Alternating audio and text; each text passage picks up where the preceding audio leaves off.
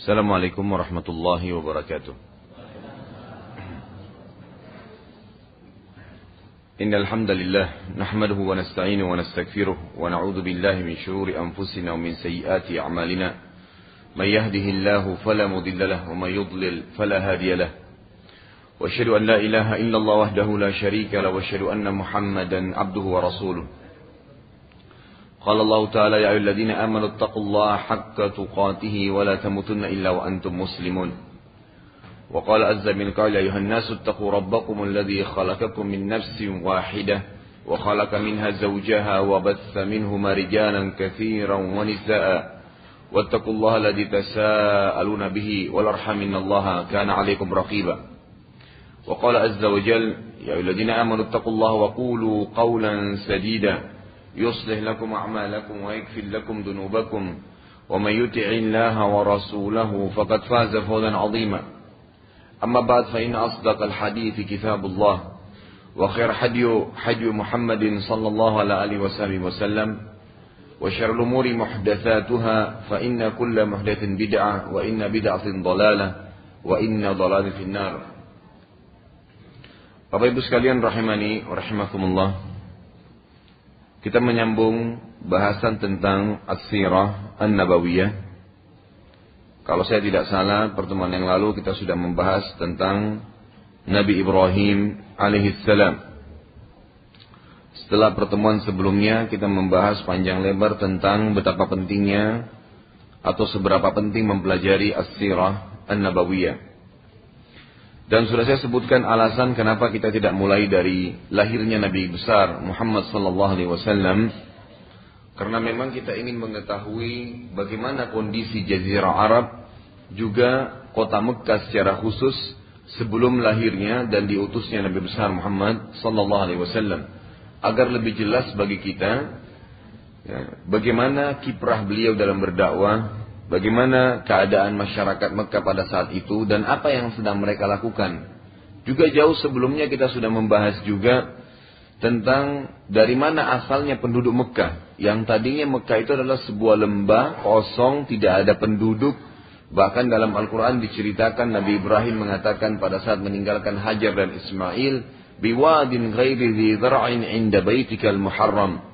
Ya Allah aku sudah meninggalkan keluargaku Hajar dan Ismail ya, di sebuah lembah yang lembah itu sendiri tidak ada bahkan pohon ya sama sekali. Jangankan pohon hidup ranting kering pun tidak ditemukan di lembah Mekah. Lalu Nabi eh, lalu Hajar dan Ismail tinggal di sana sebagaimana sudah kita panjang lebar jabarkan bagaimana ya Allah Azza wa Jalla akhirnya mengeluarkan air Zam-Zam dari kepakan sayapnya ya, Jibril alaihissalam Kemudian mereka berdua hidup di situ dan Allah Subhanahu wa taala ya, mengutus golongan masyarakat pertama yang membentuk komunitas di Mekah ya di zaman Nabi Ibrahim alaihissalam setelah Ismail dan Hajar suku yang keluar dari wilayah Yaman yang pada saat itu Yaman ya terjadi sebuah bencana besar karena bendungan mereka yang dikenal di dalam Al-Quran dan Sunnah Nabi Sallallahu Alaihi Wasallam dengan Saddul Ma'rib bendungan yang telah ada di sana, kemudian Allah hancurkan bendungan tersebut karena mereka tidak beriman kepada Allah, tidak bersyukur. Lalu keluarlah suku-suku Arab dari wilayah Yaman yang memang asalnya orang-orang Arab hanya di wilayah Yaman. Salah satu suku yang keluar dari Yaman untuk mencari tempat hidup yang baru adalah suku Jurhum. Suku Jurhum ini keluar dari wilayah Yaman dari selatan Jazirah Arab menuju ke utara Jazirah Arab negeri Syam. Syam ini adalah ya Libanon, Syria, Palestina dan Yordania sekarang. Di tengah jalan dari selatan Jazirah Arab menuju ke utaranya, mereka melewati sekitar Mekah. Dan mereka dikagetkan karena melihat di atas wilayah Mekah ada sekelompok burung yang sedang mengelilingi wilayah tersebut yang biasanya tanda-tanda bagi orang yang faham di padang pasir kalau ada burung yang berterbangan di sekitar lokasi tertentu berarti ada air di sana. Maka mereka pun mampir ke sana kemudian menemukan ada Hajar dan Ismail yang duduk ya, di sekitar air zam-zam. Dan sudah kita sebutkan juga pada saat itu bagaimana zam-zam itu berasal dari lisan Hajar alaihissalam pada saat dia melihat air karena dia ketakutan air itu nanti hilang maka dia menggunakan bahasa asli orang Palestina ya. zam zam yang berarti berkumpullah berkumpullah karena Hajar alaihissalam takut air zam-zamnya mengalir dan hilang maka dia membentuk atau menahan air tersebut dengan telapak tangannya dua, kemudian dibuatlah gumpalan seperti bendungan kecil dari padang pasir, sambil dia tetap terus mengucapkan zam-zam. Berarti berkumpullah, berkumpullah. Jadi arti zam-zam sebenarnya dari kalimat ini. Dan kata para ulama, nilai imanianya adalah setiap kali diucapkan kalimat zam-zam, ya, Hajar alaihissalam bisa saja Allah berikan pahala karena kalimat itu berasal dari lisannya. Begitu pula pada saat Hajar alaihissalam mencari air dari gunung Safa dan Marwah dan akhirnya Allah jadikan sebagian atau salah satu bagian daripada rukun haji sa'i antara Safa dan Marwah menandakan juga selama orang mengerjakan sa'i tersebut maka Hajar alaihissalam panen pahalanya. Lalu ringkas cerita adalah Jurhum pun datang dan pamit kepada Hajar untuk tinggal bersama-sama. Akhirnya Hajar mengizinkan dan mereka ya sukarela dari diri mereka sendiri membayar upeti kepada Hajar. Terbentuklah komunitas pertama masyarakat di Mekah dari Hajar dan Ismail serta suku Jurhum ini. Ismail alaihissalam pada saat pun besar, ya tumbuh besar, maka Ismail alaihissalam menikah dengan salah satu anak kepala suku Jurhum. Yang tadinya Ismail alaihissalam tidak ya tidak ya, menggunakan bahasa Arab. Karena Nabi Ismail alaihissalam bukan dari turunan orang Arab, tapi karena dia menikah dengan anak suku Jurhum yang mereka adalah asli orang Arab, maka keluarlah istilah dari para ahli sejarah. Arab itu ada dua macam, ada yang Arab asli, ada yang Arab musta'ribah ada orang turunan Arab yang asli itu dari Yaman dan ada orang turunan Arab yang terarabkan karena mereka menggunakan bahasa Arab. Sebagaimana kita tahu sekarang ada wilayah di Afrika Utara, ada Mesir, ya mereka dari suku Kipti aslinya, kemudian ada Tunis, Jazair, Maroko, itu semua mereka berasal dari suku Barbar. Kemudian ada Libya, ya, ada e, Sudan, semua itu juga dari suku-suku asli dari Afrika di daerah wilayah yang lain timur jazirah Arab ada Irak. Itu juga bukan dari turunan Arab mereka asli dari suku Babilonia. Tetapi karena menggunakan bahasa Arab maka dikatakan negara-negara Arab. Nabi Ismail alaihissalam menikah dengan keturunan Jumhur ini akhirnya terus tumbuh besar sampai ringkas cerita Nabi Ibrahim alaihissalam datang kembali. Dan Nabi Ibrahim alaihissalam diperintahkan oleh Allah subhanahu wa taala untuk menemui Ismail dan yang paling pertama datang setelah bertemu dengan Ismail perintah dari Allah Azza wa Jal untuk menyembeli Ismail anaknya. Maka Nabi Ibrahim alaihissalam pun akhirnya ya melaksanakan perintah tersebut dengan meyakini mimpinya. Kemudian rentetan sejarahnya mulailah berjalan. Ya Nabi Ismail alaihissalam eh, Nabi Ibrahim alaihissalam menyampaikan kepada Ismail bahwasanya saya dimimpi dan saya melihat saya akan menyembeli kamu sebagaimana kisah yang masyhur. Sampai akhirnya Ismail setuju dan mengatakan lakukanlah hai ayahku. Sesungguhnya engkau akan mendapatkan saya termasuk orang-orang yang sabar. Lalu terjadilah proses ya pembawaan. Nabi Ibrahim membawa Ismail as menuju ke yang kita tahu wilayah Mina. Yang ada jamrah sekarang ya salah satu bagian daripada haji melempar setan diistilahkan karena waktu Ibrahim AS ingin membawa Ismail menuju ke sana, syaitan mengganggu di tiga titik, lalu dilemparlah dengan batu kerikil oleh Nabi Ibrahim AS. Akhirnya syaitan tersebut pergi dan pada saat akan disembeli Ismail, barulah Allah utus ya Jibril AS datang membawa sembelihan yang besar. Kemudian sembelihan tersebut sembelihan tersebut lalu ya menggantikan Ismail alaihissalam Ya. Dan jadilah juga bagian daripada ibadah haji. Harusnya ada di Idul Kurban penyembelihan. Harusnya ada penyembelihan. Rentetan setelahnya adalah Allah Subhanahu wa taala memerintahkan Nabi Ibrahim dan Nabi Ismail alaihi wassalam untuk membangun Ka'bah. Untuk membangun Ka'bah. Lalu Nabi Ibrahim alaihissalam pun membangun Ka'bah dengan Ismail sampai selesai seperti yang kita saksikan sekarang. Dan sudah saya jelaskan juga bahwasanya Ka'bah itu memang dasarnya sudah dibangun oleh Syif, anak Nabi Adam alaihissalam. Lalu runtuh dengan berjalannya waktu dan dibangun kembali oleh Nabi Ibrahim alaihissalam dengan Nabi Ismail tentunya alaihissalam semenjak membangun atau selama membangun Ka'bah, Nabi Ibrahim alaihissalam selalu setelah menyusun batu mundur ke belakang untuk melihat posisi batunya sudah pas atau belum, bangunannya sudah stabil atau belum. Kemudian Allah Subhanahu wa taala kekalkan telapak kaki Nabi Ibrahim alaihissalam untuk menjadi tanda-tanda kebesaran ya dan akhirnya menjadi pelajaran bagi manusia membuktikan memang benar ini adalah rumahnya Allah dan benar Nabi Ibrahim pernah membangun rumah ini dan ini bekas telapak kakinya. Sebagaimana Allah sebutkan dalam Al-Qur'an ya. Fihi ayatum bayyinatum makamu Ibrahim. Ada tanda-tanda memang kebesaran Allah dengan adanya makam Ibrahim.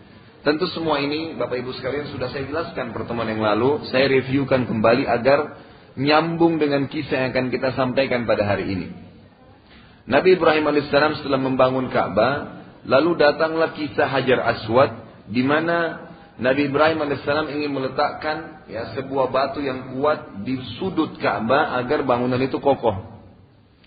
Maka Nabi Ibrahim pun menyuruh Nabi Ismail alaihissalam untuk mencari batu dan akhirnya Nabi Ismail pergi ya setelah kembali dia membawa Hajar Aswad. Dia membawa Hajar Aswad. Dan Hajar Aswad ini dibawa lalu ditanya oleh Nabi Ibrahim SAW dari mana engkau dapatkan hai Ismail. Ismail mengatakan dari Allah. Lalu diletakkanlah batu tersebut ya di sudut Ka'bah dan jadilah Ka'bah seperti sekarang. Hanya saja yang perlu anda titik beratkan di sini, Ka'bah itu dasarnya dibangun oleh Nabi Ibrahim alaihissalam sangat besar. Ya.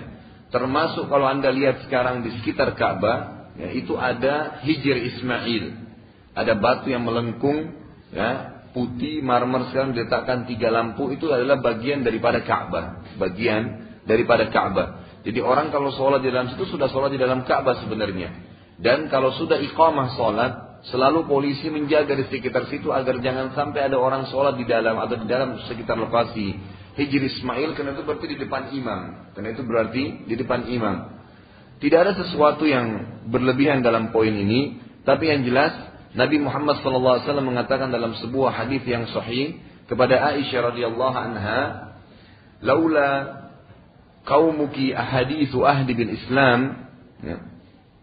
Kalau seandainya bukan karena kaummu baru saja mengenal Islam, ya maksudnya orang-orang Quraisy, orang-orang Quraisy, maka saya akan kembalikan Ka'bah kepada poster Ibrahim alaihissalam atau ukurannya jauh lebih besar sampai Hijr Ismail pun masuk ke dalamnya. Setelah Ka'bah dibangun lalu Allah Subhanahu wa taala memerintahkan perintah yang ketiga kepada Nabi Ibrahim alaihissalam untuk mengumandangkan ibadah haji. Mengumandangkan ibadah haji dengan suara yang lantang. Lalu Nabi Ibrahim alaihissalam sempat bertanya kepada Jibril, bagaimana bisa ya suara saya bisa sampai ke seluruh manusia sementara manusia-manusia ini ya sangat jauh Kata Jibril AS, itu tugas kamu ya, hanya menyampaikan dan tugas kami, ya, cuma tugas kamu melaksanakan, tugas kami menyampaikan. Lalu Ibrahim AS menuju ke Padang Arafah dan naik ke Jabal Rahmah dan berteriak mengumandangkan haji. Dengan izin Allah, suara Ibrahim AS sampai ke seluruh pelosok muka bumi dan akhirnya orang-orang pun yang beriman kepada Allah datang dan mengerjakan ibadah haji. Setelah itu semua ya keadaan Mekah dalam dan jazirah Arab dalam keadaan bertauhid kepada Allah Subhanahu wa taala, mengisahkan Allah Subhanahu wa taala. Semua kisah Nabi Ibrahim alaihissalam yang kita rentetkan atau ulangi tadi itu Anda bisa baca dalam surah Az-Zariyat urutan 51 ayat 24 sampai 30. Itu menceritakan tentang kisah awal Nabi Ibrahim alaihissalam ya mendapatkan berita gembira tentang akan melahirkannya istrinya Sarah setelah mendapatkan anak Ismail dan melahirkan Ishak. Ini juga sudah kita jelaskan dulu. Kemudian kisah tentang bagaimana Nabi Ibrahim alaihissalam akan menyembeli Ismail, Anda bisa baca dalam surah Safat urutan 37 ayat 102 sampai 111. Ini cerita tentang tadi bagaimana Nabi Ibrahim alaihissalam diperintahkan untuk menyembelih anaknya Ismail dan akhirnya ditukar dengan sembelihan yang besar. Lalu kisah tentang pembangunan Ka'bah dan perintah agar memanggil orang-orang untuk haji, Anda bisa baca dalam surah Al-Baqarah, ya. urutan 2 dalam Al-Quran ayat 125 sampai 29 sampai 129. Juga Anda bisa membaca dalam surah Al-Imran urutan 3 ayat 97. Termasuk juga perintah agar menjaga Ka'bah dari perbuatan musyrik, ya, agar selalu hanya orang tawaf dan ibadah di situ. Dari perintah Allah kepada Ibrahim disebutkan dalam surah Al-Hajj urutan 22 ayat 26 sampai 29. Semua ini Bapak Ibu sekalian mungkin muncul pertanyaan kecil, kenapa Ustadz tidak baca ayatnya? Kenapa kok pintas-pintas saja? Karena ini sudah kita sampaikan pertemuan yang lalu. Dan ada titik poin penting kenapa saya review kembali karena ada sebuah kisah yang akan kita sampaikan pertemuan kita ini adalah kisah seseorang yang bernama Amru ibn Luhai. Siapa ini Amru ibn Luhai? Setelah syariat yang dibawa oleh Nabi Ibrahim alaihissalam diimani dan diamalkan di Jazirah Arab terutama di Mekah dan semua orang sudah mengetahui tidak bolehnya ber, berbuat syirik dan mereka bertauhid mengisahkan Allah. Rentetan sejarah mulai menyebutkan setelah Nabi Ibrahim alaihissalam meninggal Nabi Ismail alaihissalam meninggal jauh setelahnya suku Jurhum tadi yang kita bahas adalah suku yang keluar dari Yaman dan berkembang biak dan Nabi Ismail menikah dari mereka mulai berkembang pesat dan akhirnya menjadi komunitas yang sangat besar di Mekah. Ya, mencapai jumlahnya ribuan orang, mencapai jumlahnya ribuan orang. Ada beberapa dari suku-suku Arab yang lain yang merasa Mekah ini adalah kekuatan yang luar biasa. Ada sumber air, zam-zam, yang terkenal dan orang banyak meminumnya. Kemudian ada setiap tahun seluruh dunia masyarakat atau manusia datang, akhirnya Mekah menjadi ramai dan kalau dihidupkan bisnisnya maka akan berhasil. Kemudian Mekah juga mempunyai nama yang sangat harum karena di sana ada ya syariat Nabi Ibrahim dan Ismail alaihissalam. Maka ada satu suku Arab yang lain Tolong digarisbawahi dua suku ini. Yang pertama Jurhum tadi, ya, suku yang pertama sekali datang dan hidup bersama Hajar dan Ismail. Setelah beberapa ya, tahun kemudian, tidak disebutkan oleh sejarah berapa ratus tahun setelah itu, yang jelas jauh setelah meninggalnya Nabi Ibrahim dan Ismail alaihissalam, alaihissalam, dan berkembang pesatnya Mekah, maka datanglah satu suku Arab yang lain bernama Khuza'ah. Suku Khuza'ah ini datang dan masuk di sekitar Mekah dengan kekuatan militer. Mereka datang ingin merebut kekuasaan Mekah dari suku Jurhum tadi yang pertama. Ringkas cerita terjadilah peperangan antara suku Jurhum dan suku Khuza'ah. Terjadi peperangan besar antara dua suku ini. Dalam hal Jurhum mempertahankan Mekah dan Khuza'ah ingin merebut Mekah. Setelah terjadi peperangan beberapa bulan ya, berlanjut dan dikepungnya kota Mekah akhirnya suku Khuza'ah memenangkan peperangan. Pada saat memenangkan peperangan, suku Jurhum yang ada di Mekah mayoritasnya keluar dari wilayah Mekah dan yang sebagian lagi tinggal di Mekah. Ada beberapa orang suku Jurhum, suku asli tadi yang tinggal di Mekah bersama Ismail dan Hajar alaihissalam itu menimbun sumur Zamzam menimbun sumur Zamzam. Sehingga suku Huza'ah yang berkuasa di Mekah kurang lebih ulama sejarah sepakat atau istilah di antara 300 sampai 500 tahun berkuasa di Mekah tanpa ada air, tanpa ada air. Sumur Zamzam hilang selama 500 tahun, tidak ada yang ketahui.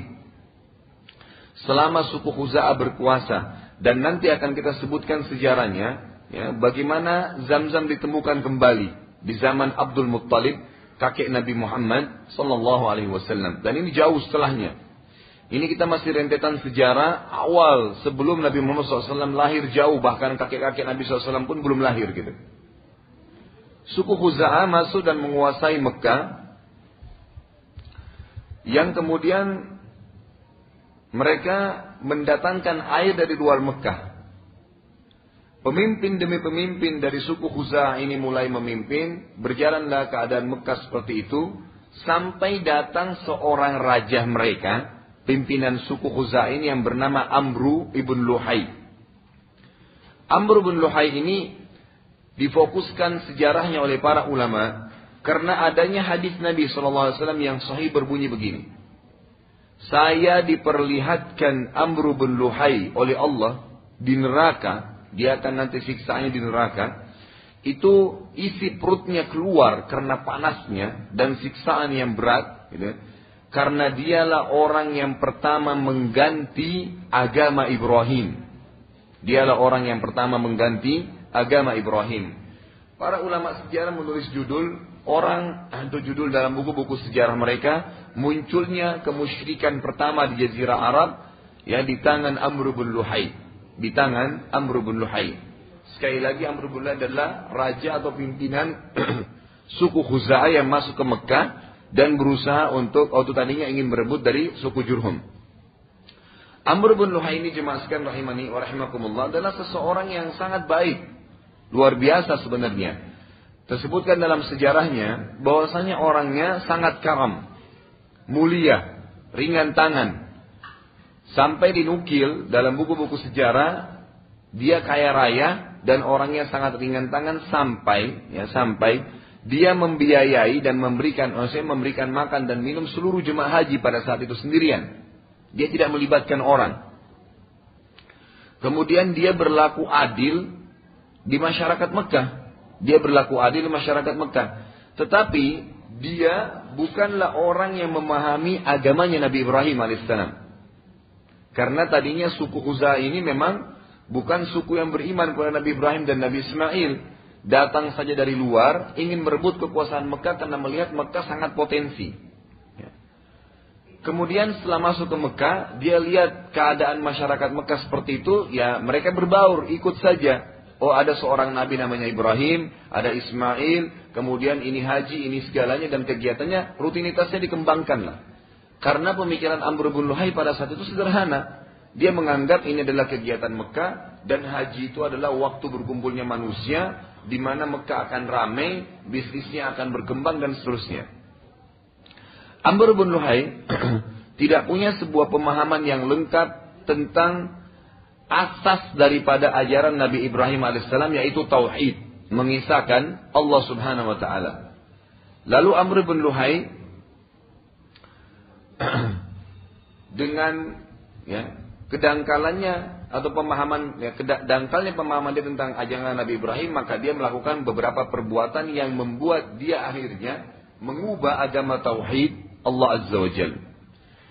Yang paling pertama sekali yang dia lakukan adalah memasukkan patung-patung ke Jazirah Arab ya, dan secara khusus Mekah serta mengubah ibadahnya masyarakat Mekah dan Jazirah Arab dari bertauhid kepada Allah mengikuti ajaran Nabi Ibrahim menjadi penyembah berhala. Inilah sebab utama kenapa Nabi SAW tadi mengatakan beliau diperlihatkan Amr bin Lahai di neraka dalam keadaan disiksa karena panasnya isi perutnya keluar ya karena memang dia pertama yang mengganti ajaran Nabi Ibrahim alaihissalam. Bagaimana kisahnya?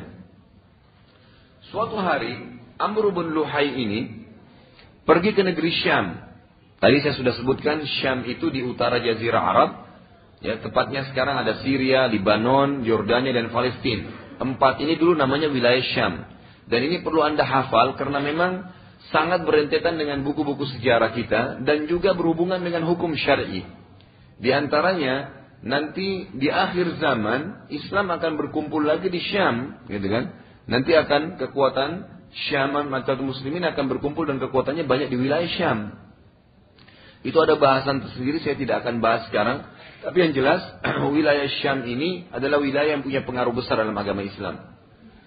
Waktu itu Amr bin Luhai mengadakan perjalanan perniagaan dari Mekah ke Syam. Kemudian dia temukan ada satu suku yang bernama Amalik. Suku Amalik ini, suku asli negeri Syam, mereka juga mendengarkan tentang ajaran Nabi Ibrahim, tapi setengah-setengah dan mereka mempartisipasikan ya berhala-berhala yang mereka sembah itu dengan Allah. Itulah perbuatan syirik. Jadi mereka buat patung, patungnya ditaruh di rumahnya, kemudian untuk menyembah Allah, mereka merasa tidak bisa langsung, harus melalui patung-patung ini. Pada saat suku Amalik ini lagi berdoa di depan patung, Amr bin Luhai datang dan mengatakan, apa yang kalian sedang lakukan?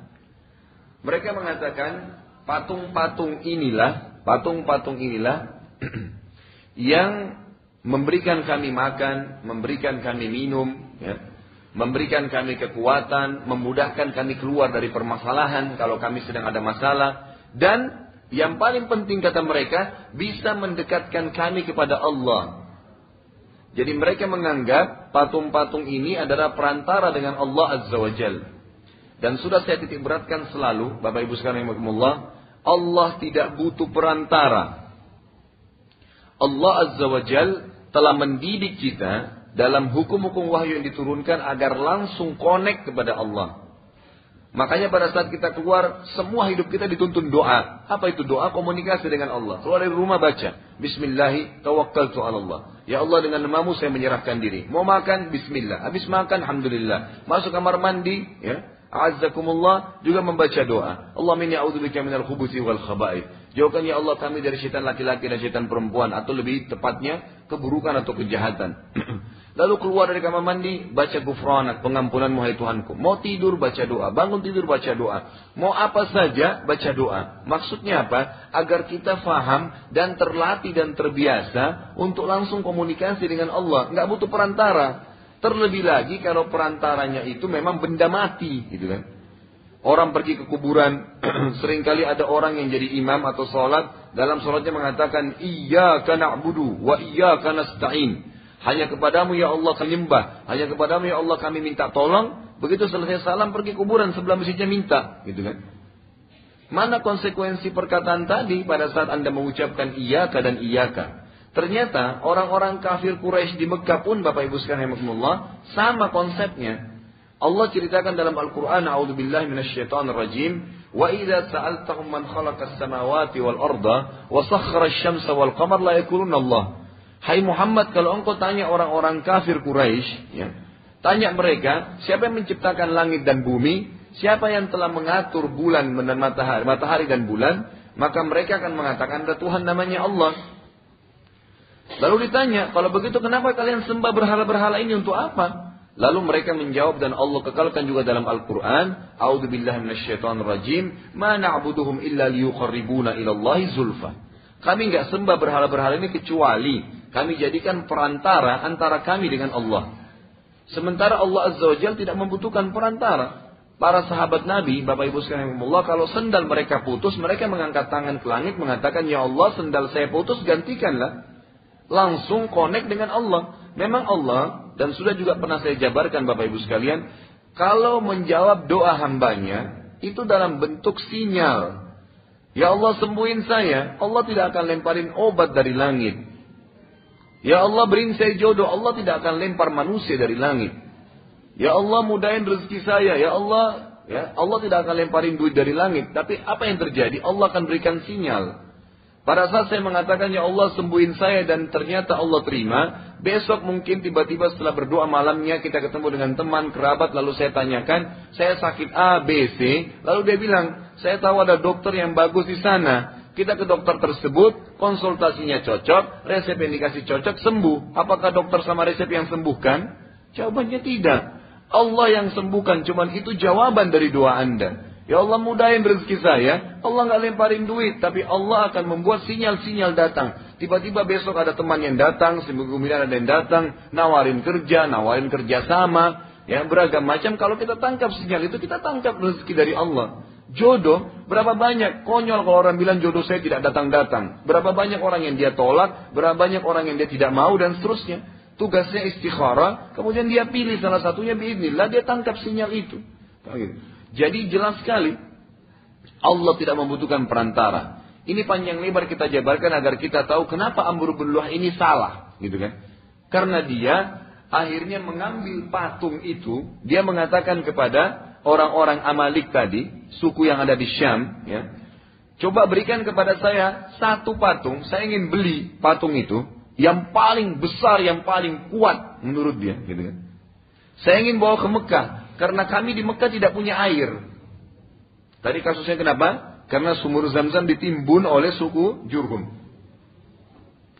Apa yang terjadi? Amr bin lalu membawa patung ya, ke Mekah ke Jazirah Arab kemudian ke Mekah dan patung yang paling pertama masuk di Mekah dan ini patung yang paling besar serta patung yang paling dihormatin oleh orang-orang Quraisy nantinya itu patung yang diberi nama Hubal yang diberi nama Hubal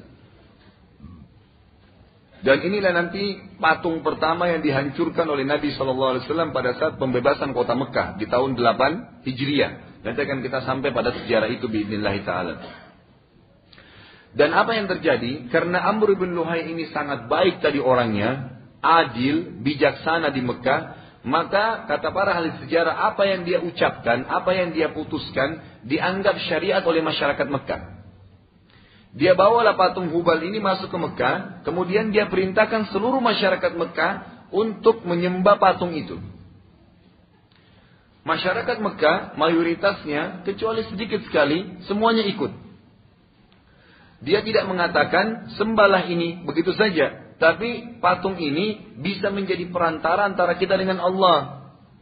Ayo kita minta kepada Allah tapi sebutkan namanya ini. Lama kelam pertama mereka cuma mengatakan, Hai Hubal, sampaikan hajat kami kepada Allah. Hai Hubal begini, Hai Hubal begitu. Lama-lama sudah nggak ada lagi Allahnya, gitu kan? Sedangkan ada saja Allah ini masih syirik, apalagi sudah tidak ada sama sekali. Akhirnya mereka sujud ya dan menyembah Hubal itu. Lebih parah lagi daripada itu, Amr bin Luhai ternyata merasa bahwasanya ya godaan syaitan sudah mulai masuk kepada dia. Mungkin ini baik. Lalu dia mendatangkan ya banyak patung-patung karena memerintahkan setiap suku yang ada di Mekah. Jadi tadinya induknya suku di Mekah itu ada Jurhum dan ada Huza'ah saja, dua setiap suku kalau sudah mulai besar gitu kan siapa yang ditokohkan di antara mereka itu bisa membentuk suku baru. Misalnya dari suku Jurhum sendiri ya nanti kita tahu Quraisy itu sendiri nama orang nama kakek Nabi SAW salah satu yang namanya Quraisy. Dari turunan Jurhum karena Quraisy ini orang yang sangat kuat secara fisik punya pengaruh di masyarakat kaya raya punya keturunan banyak maka dia ditokohkan, dinisbatkanlah di namanya dia suku. Gitu kan? Awalnya dia dari Jurhum, jadi ini cabang. Jadi setiap suku induk itu punya cabang-cabang suku yang lain gitu. Nah ini di antaranya suku-suku sudah mulai banyak berkembang dari Jurhum dan Huza'ah di Mekah. Lalu Amr bin Luhai memberikan keputusan setiap suku itu wajib hukumnya memiliki patung masing-masing. Setiap suku. Jadi suku A punya patung di pintu masuk pemukiman mereka. Dulu suku itu misalnya suku A itu tinggal satu lokasi. Jadi misalnya 100 kakak, 200 kakak, orang tahu ini suku A. Di sebelahnya, wilayah sebelah sana ada suku B dan seterusnya. Maka setiap suku punya patung masing-masing yang mereka sembah. Lalu yang lebih besar lagi daripada itu, ya, Amr bin Luhai memasukkan dan menambah patung-patung bukan cuma di Mekah, ya, tapi di Jazirah Arab. Karena pada tahun pada tahun pertama dia masukkan patung-patung itu, banyak jemaah haji yang datang dari seluruh pelosok muka bumi yang beriman kepada Allah pada saat itu, kemudian melihat masyarakat Mekah sembah patung. Mereka pun tidak tahu apa itu, lalu mereka menganggap itu kebaikan. Mulailah diikutin, mulailah diikutin. Maka mulailah tersebar patung-patung besar di Jazirah Arab yang mereka buat sendiri. Di antaranya ada patung Wud. Patung Wud ini banyak disembah oleh suku Kal. Ya, ini suku yang termasuk besar di Jazirah Arab. Kemudian ada Suwa. Ya, ini semua nama-nama disebutkan dalam Al-Quran ya, nama-nama patung ini. Suwa ini juga adalah nama patung yang disembah oleh suku Huzail. Kemudian ada Yagus. Yagus disembah oleh suku Tai. Dan umumnya penduduk wilayah Jarash. Ini semua wilayah Jazirah Arab. Ya. Kemudian ada Ya'uk oleh penduduk wilayah Hamazan. Dan ya, ya, Yasar itu disembah oleh masyarakat Yaman. Dan yang paling luar biasa, ya, ini kata para ahli sejarah, menunjukkan memang zaman itu wajar dikatakan zaman jahiliyah. Ada dua patung Bapak Ibu sekalian yang bernama Isaf dan Naila. Isaf dan Naila punya kisah tersendiri. Isaf ini nama seorang laki-laki dan Naila nama seorang perempuan. Dulunya, dulunya sebelum zaman Amr bin Luhai, jauh sebelumnya dia, Isaf dan Naila ini saling suka ceritanya. Kemudian Isaf melamar Naila dari orang tuanya, orang tuanya Naila nolak. Nggak diterima. Zaman itu, caranya orang kalau ingin ketemu lebih mudah, janjian di musim haji. Jadi di musim haji mereka kumpul di Mekah semuanya, gitu kan. Maka Isaf dan Naila janjian dari Yaman ketemu di Mekah. Mereka niatnya mau pergi haji. Setelah itu mereka lalai di depan Ka'bah di malam hari bukan seperti sekarang 24 jam ada orang tawaf, itu kalau malam udah mulai terbenam matahari sudah kosong Ka'bah pada zaman itu. Lalu dia ya berhubungan biologis atau berzina dengan Naila ini. Jadi Isaf dan Naila berzina di depan Ka'bah. Jadi sudah zina dosa besar depan Ka'bah lagi. Apa yang terjadi? Allah kutuk mereka menjadi batu. Dikutuk menjadi batu. Semua ahli sejarah mengangkat kisah ini. Lalu pada saat itu keesokan harinya masyarakat Mekah dikagetkan, akhirnya mereka mengambil sebagai, sebagai ibroh. Isaf, ya patung Isaf ini yang dikutuk tadi ditaruh oleh masyarakat Mekah di Gunung Safa. Ya di Bukit Safa. Yang kita tahu kalau sudah pernah ke Mekah di tempat sa'i ada Safa dan Marwah. Di Gunung Safa. Kemudian Naila itu ditaruh patungnya di Marwah. Agar setiap kali orang yang sa'i pergi haji atau umrah itu melihat oh ternyata ini hati-hati kalau buat dosa di depan Ka'bah. Allah bisa kutuk langsung. Pada zaman Amr bin Luhai orang sudah banyak lupa kisahnya Isaf dan Naila ini. Orang udah banyak lupa udah zaman dulu gitu kan lalu Amr bin Luhai mengeluarkan keputusan agar patungnya Isaf dan Naila dibawa dekat Ka'bah lalu disembah ya. ini satu keanehan orang yang dikutuk karena berzina disembah oleh mereka gitu. Ya. Ada sebuah kisah berhubungan dengan masalah penyembahan berhala dan kejahilan ini. Riwayat Sahih menjelaskan tentang kisah ya, Umar bin Khattab radhiyallahu anhu. Di zaman khilafahnya Umar bin Khattab radhiyallahu anhu, Bapak Ibu sekalian itu beliau kadang-kadang tiba-tiba menangis, kadang-kadang beliau tiba-tiba tertawa. Tapi teman-temannya ini nggak ada yang berani nanya gitu kan. Satu waktu ada yang berani menanyakan mengatakan, Hai Amir Mukminin, Hai pemimpin orang beriman, kenapa kadang-kadang anda ketawa, nangis, kadang-kadang anda ketawa, apa sebabnya? Bisa kami tahu nggak? Lalu Umar berkata, dulu kami di zaman jahiliyah, ini berhubungan dengan apa yang Amr bin Luhai sudah lakukan itu bekasnya sampai ke sahabat-sahabat sebelum mereka masuk Islam gitu. Dan ini jauh, eh, ratusan tahun sebelum sahabat-sahabat ada gitu. Mereka belum lahir ini kisahnya. Tapi ini rentetan yang luar biasa. Dia mengubah semua ya ajaran Nabi Ibrahim alaihissalam mayoritasnya di tangannya dia. Umar mengatakan ada sebuah pemahaman di Mekah dulu bahwasanya kami membenci sekali anak perempuan. Setiap kali ada anak perempuan, kami bunuh, gitu kan? Yang hidup paling cuma dua tiga orang untuk melanjutkan generasi. Selebihnya enggak. Maka ada sebuah dogma atau doktrin di tengah masyarakat Mekah pada saat itu, kalau ada anak perempuan berarti aib bagi dia. Berarti aib. Maka Umar mengatakan, satu hari pernah saya dikaruniai informasi, ya berita tentang lahirnya anak perempuan saya. Saya sayang, tapi tekanan-tekanan dari masyarakat menganggap itu aib berat sekali. Dan saya sabar sampai umur anak itu enam tahun. Setelah itu, lalu saya membawanya ke padang pasir, saya gali dan saya tanam dia hidup-hidup. Maka saya sedih, kenapa itu terjadi? Tapi itu zaman jahiliyah, tidak ada hisapnya, gitu kan? Jadi Allah SWT tidak akan menyalahkan itu karena Umar sudah masuk Islam tentunya. Dan akhirnya e, sebagaimana dalam hadis Nabi SAW, kalau orang masuk Islam maka perilaku dia yang lalu diubah menjadi pahala gitu kan. Konseptualnya ditanya lagi atau lanjutannya, lalu kenapa anda tertawa? Dia bilang, ini jadi saksi bahasan kita. Di zaman jahiliyah juga dulu, ada keputusan di Mekah, tapi tidak disebutkan dari Amr bin Luhai. Keyakinan masyarakat Mekah, bahwasanya semua masyarakat Mekah wajib menyembah berhala, patung. Termasuk kalau mereka keluar dari Mekah, mereka keluar dari Mekah, itu mereka harus wajib membawa patung dari Mekah.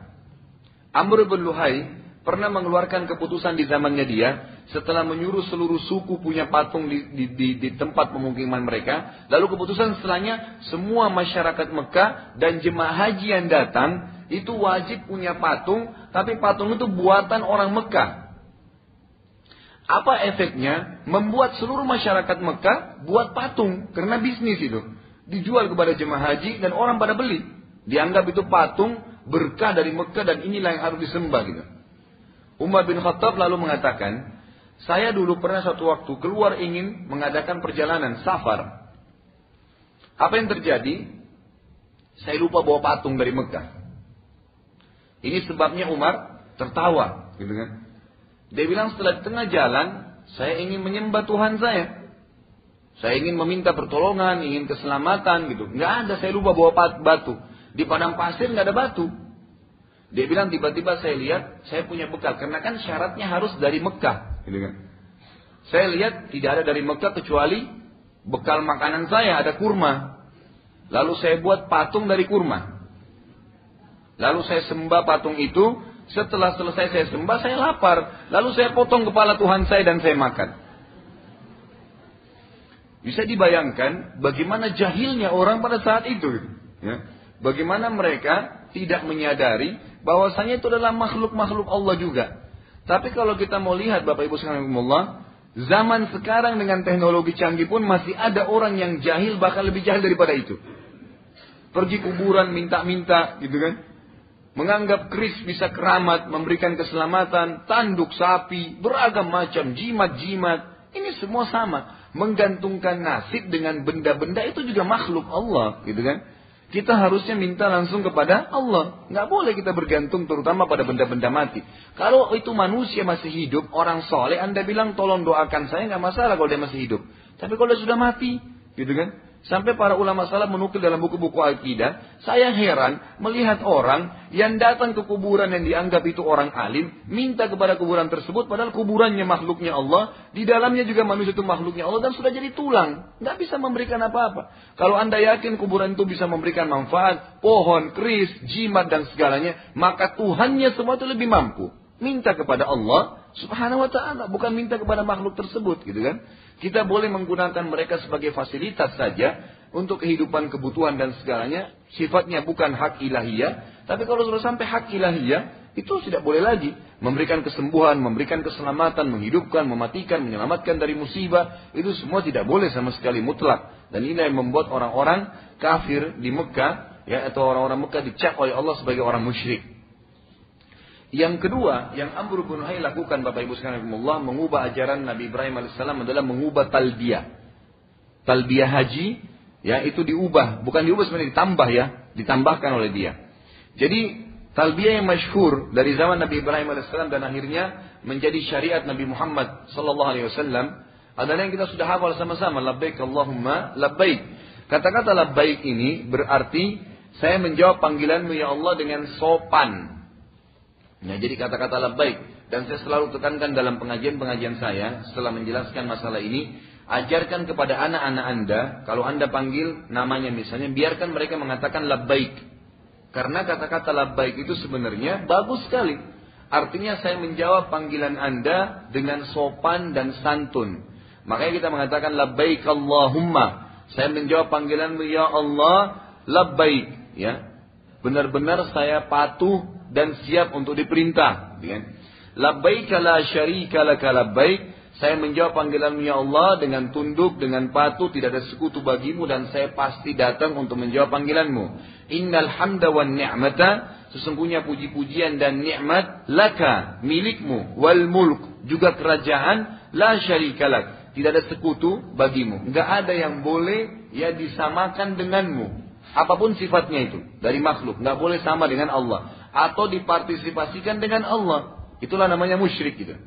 Apa yang terjadi? Amr bin Luhai karena dia ingin membenarkan perilakunya mendatangkan patung dan patung disuruh jadi perantara dengan Allah, maka dia menambah setelah la syarikalak dia tambah illa syarikan huwalak tamlikuhu wa ma malak.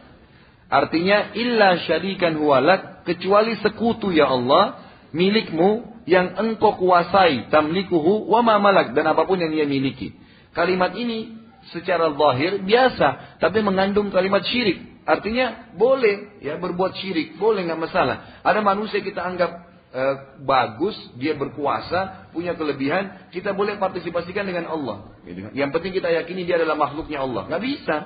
Allah mutlak nggak boleh dipartisipasikan, tidak boleh musyarakah, tidak boleh syirik mempartisipasikan Allah dengan makhluknya. Yang ketiga adalah yang terjadi juga akhirnya menjadi sebuah syariat di Mekah pensakralan hewan-hewan tertentu yang disebutkan dengan istilah dalam Al-Quran bahirah, saibah, wasilah, dan ham. Nanti akan saya sebutkan ayatnya dan insya Allah tidak aneh bagi anda karena ini awalnya saja kalau baru dengar mungkin kaget tapi kalau kita sudah baca ayat dan terjemahnya anda akan faham nanti apa itu bahira, apa itu saibah, apa itu wasilah dan apa itu ham. Amr bin Luhai mensyariatkan bagi masyarakat Mekah setelah mulai orang patuh sama dia sembah berhala. Lalu dia bilang, kita harus mensakralkan hewan tertentu. Baik, kita dengarkan ayatnya. Allah Azza wa Jalla menceritakan kasus ini dalam surah Al-Ma'idah. Urutan 5 dalam Al-Quran, ayat 103. بني أعوذ بالله من الشيطان الرجيم ما جعل الله من بحيرة ولا سائبة ولا وصيلة ولا حام ولكن الذين كفروا ولكن الذين كفروا يفترون على الله الكذب وأكثرهم لا يعقلون Allah sekali-kali tidak pernah mensyariatkan bahira. Apa itu bahira? Ini ajarannya itu tadi ajarannya Amr bin Luhai. Bahira adalah unta betina yang telah beranak lima kali dan anak kelimanya itu jantan. Unta betina yang melahirkan lima kali dan anak kelimanya jantan. Lalu unta betina itu dibelah telinganya dan dilepaskan, tidak boleh ditunggangi lagi, tidak boleh diambil air susunya, tidak boleh ada yang ganggu, disakralkan. Ini namanya bahirah. Lalu wala saibatin. Juga tidak saibah. Saibah itu adalah unta betina yang dibiarkan pergi ke mana saja karena sesuatu nazar. Jadi kalau masyarakat Mekah misalnya dia mau mengadakan perjalanan nih, mau ke mana, ke negeri Syam, mau bisnis, mau ke keluarga, dia bilang kalau saya selamat berhasil, maka unta betina saya ini saya jadikan saibah. Saibah itu artinya dibiarkan, disakrarkan, tidak boleh ada yang ganggu, nggak boleh. Jadi dia biar sampai mati unta itu. Nggak boleh ditunggangi, nggak boleh disakrarkan. Mungkin kalau di Indonesia ini juga ada ya.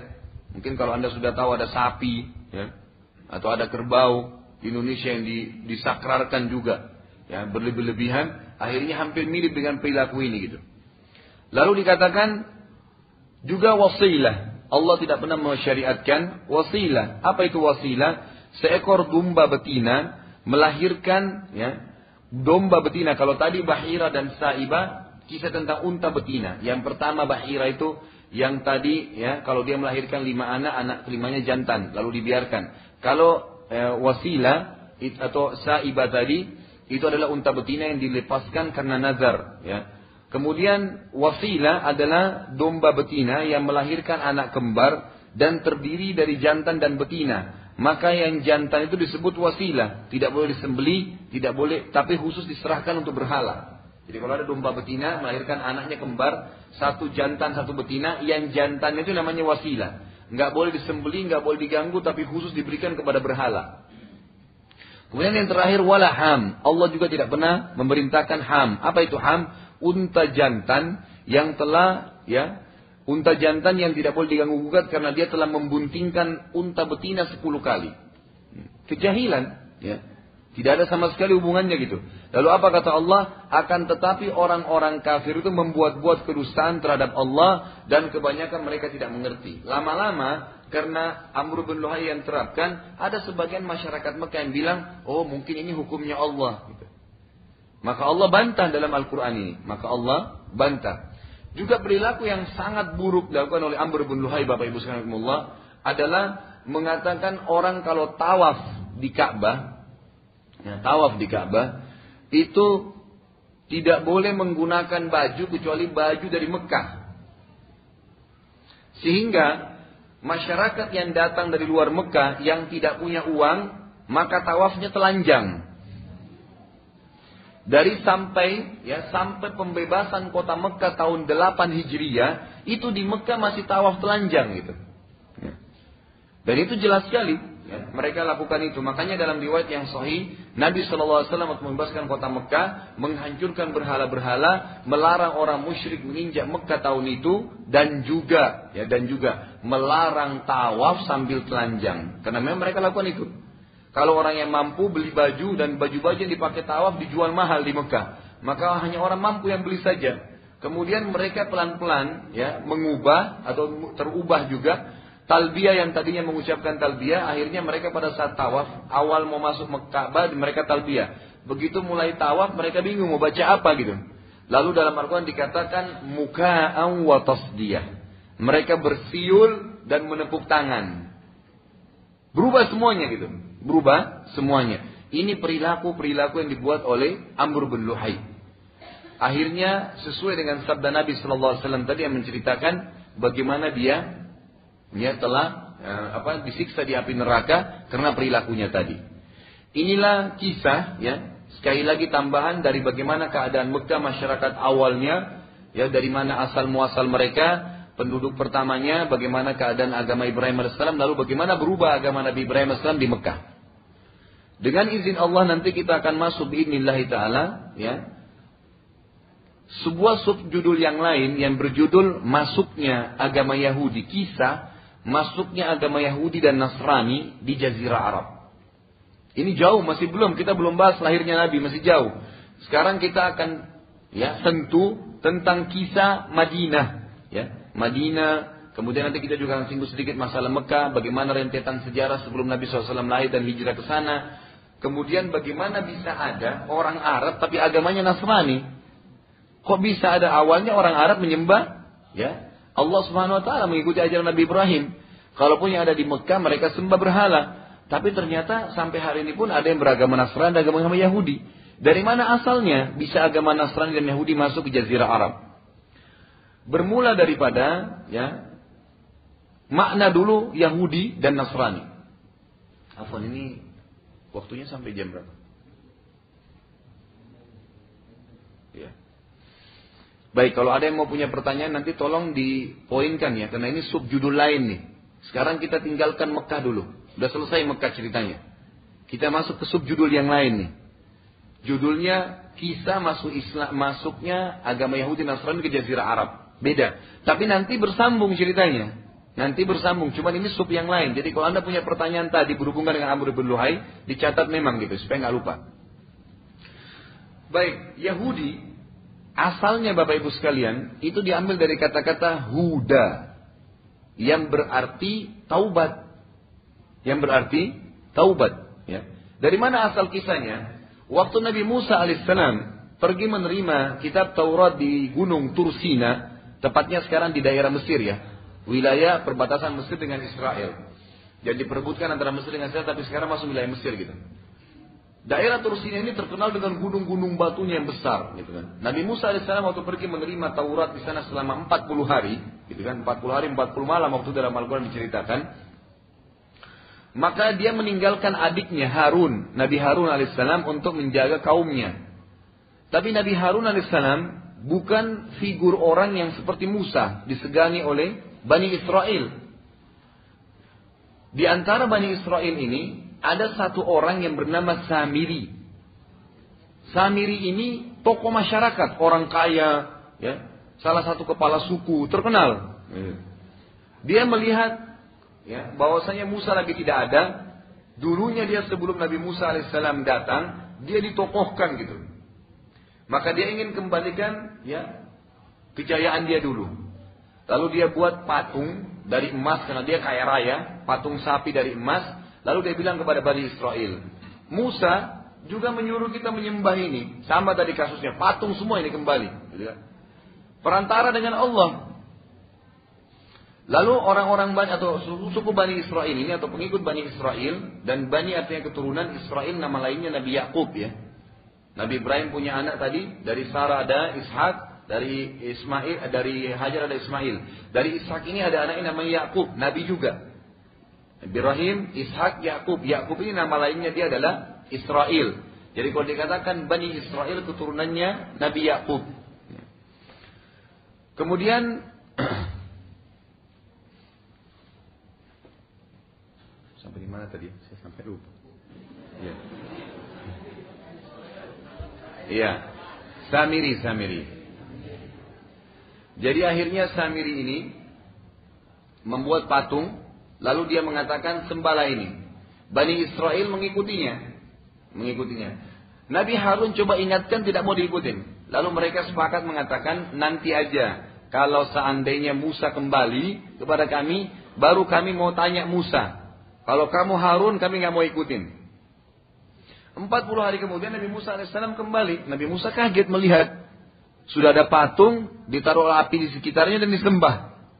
Nabi Musa langsung kumpulkan Bani Israel, ada apa dengan kalian? Dari mana ini? Kisahnya dari Samiri, tunjuk semua Samiri. Ditanya Samiri depan Bani Israel, kenapa kau lakukan ini? Dia bilang, ya tiba-tiba terlintas di benak saya, saya pikir ini bagian daripada wahyu kenabian.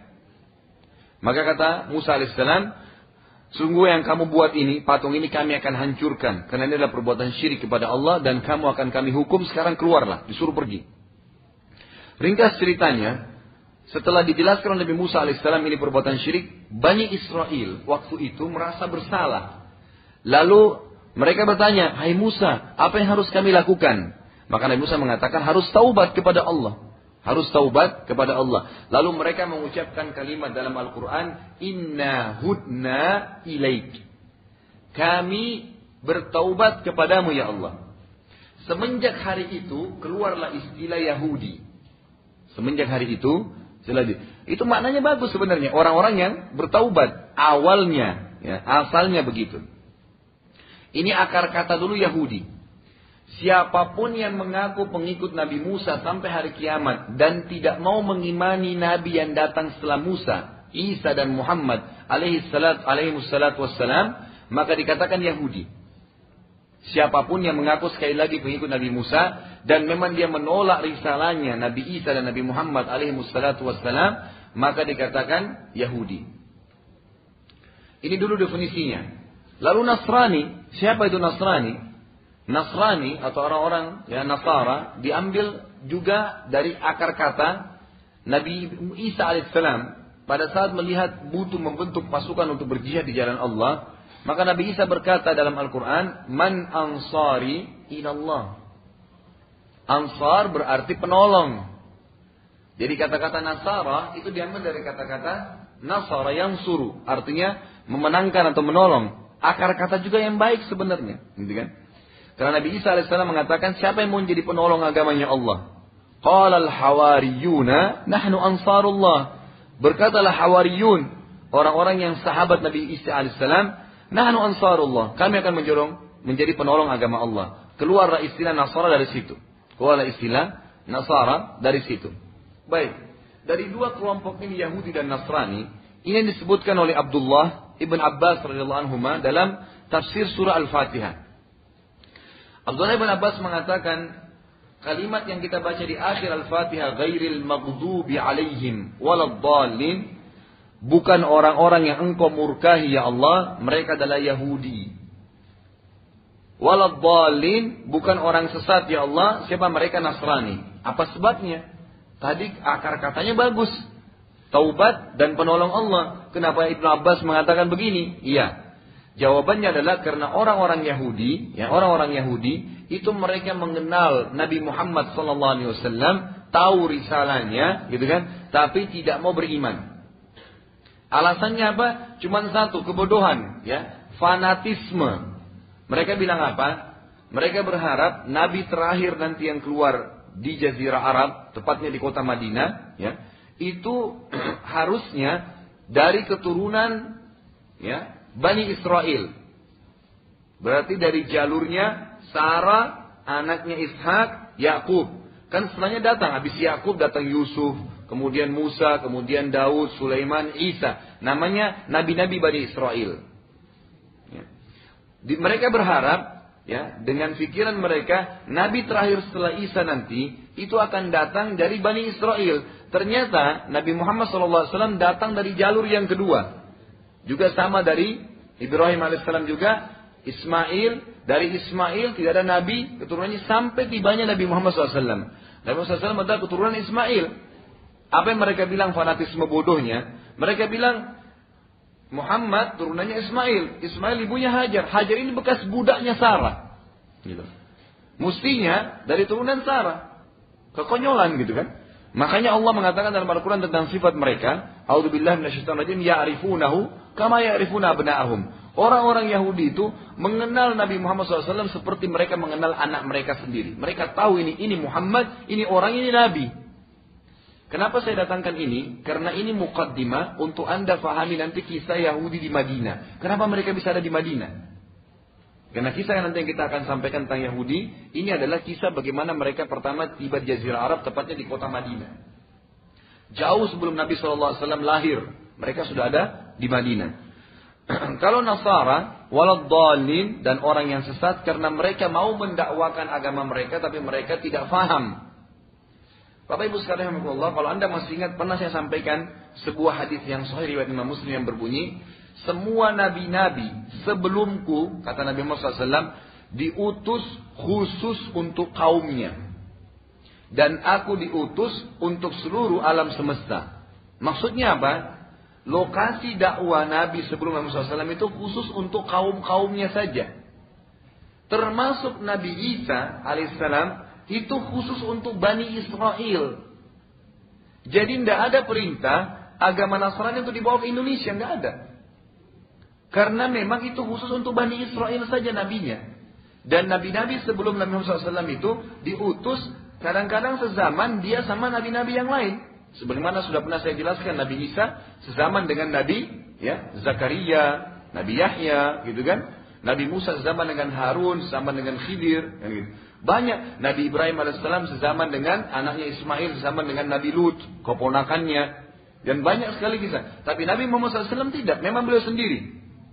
Ya. Dan beliau diutus untuk semuanya. Nah orang-orang Nasrani tidak paham. Kalau agama mereka sebenarnya, Nabi Isa ini itu untuk Bani Israel gitu. Bukan untuk disebarkan seluruh dunia. Makanya Abdullah bin Abbas mengatakan waladhdallin orang-orang yang sesat. Kenapa sesat? Karena mereka tidak paham mau menyebarkan agama, tapi nggak paham ini bukan agama untuk disebarin ke mana-mana gitu. Hmm. Itu kurang lebih gambaran umumnya dulu. Kita sedang tidak bahas Yahudi dan Nasrani secara khusus, tapi di sini saya ingin kosakatanya, kemudian kita akan masuk ke kisahnya.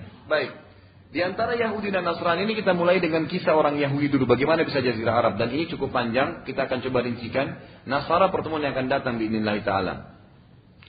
Semua ulama hampir sepakat. Dan saya tidak tahu apa ini bisa selesai atau tidak ya. Tapi yang jelas semua ulama hampir sepakat Bapak Ibu sekalian. Dari ahli sejarah. Dari Ibnu Asir, Ibnu Kathir. Ya, dan banyak sekali ahli-ahli sejarah menyebutkan. Dan hampir semuanya mengangkat kisah ini. Beranjak ya untuk mengenal Yahudi kenapa bisa jazirah Arab dan bagaimana tersebar jazirah Arab beranjak dari kisah seorang yang bernama Rabi'ah ibn Nasr. Rabi'ah ibn Nasr. Siapa ini Rabi'ah ibn Nasr? Dia adalah salah satu raja Yaman. Salah satu raja di Yaman. Rabi'ah bin Nasr ini pernah satu waktu dia mimpi.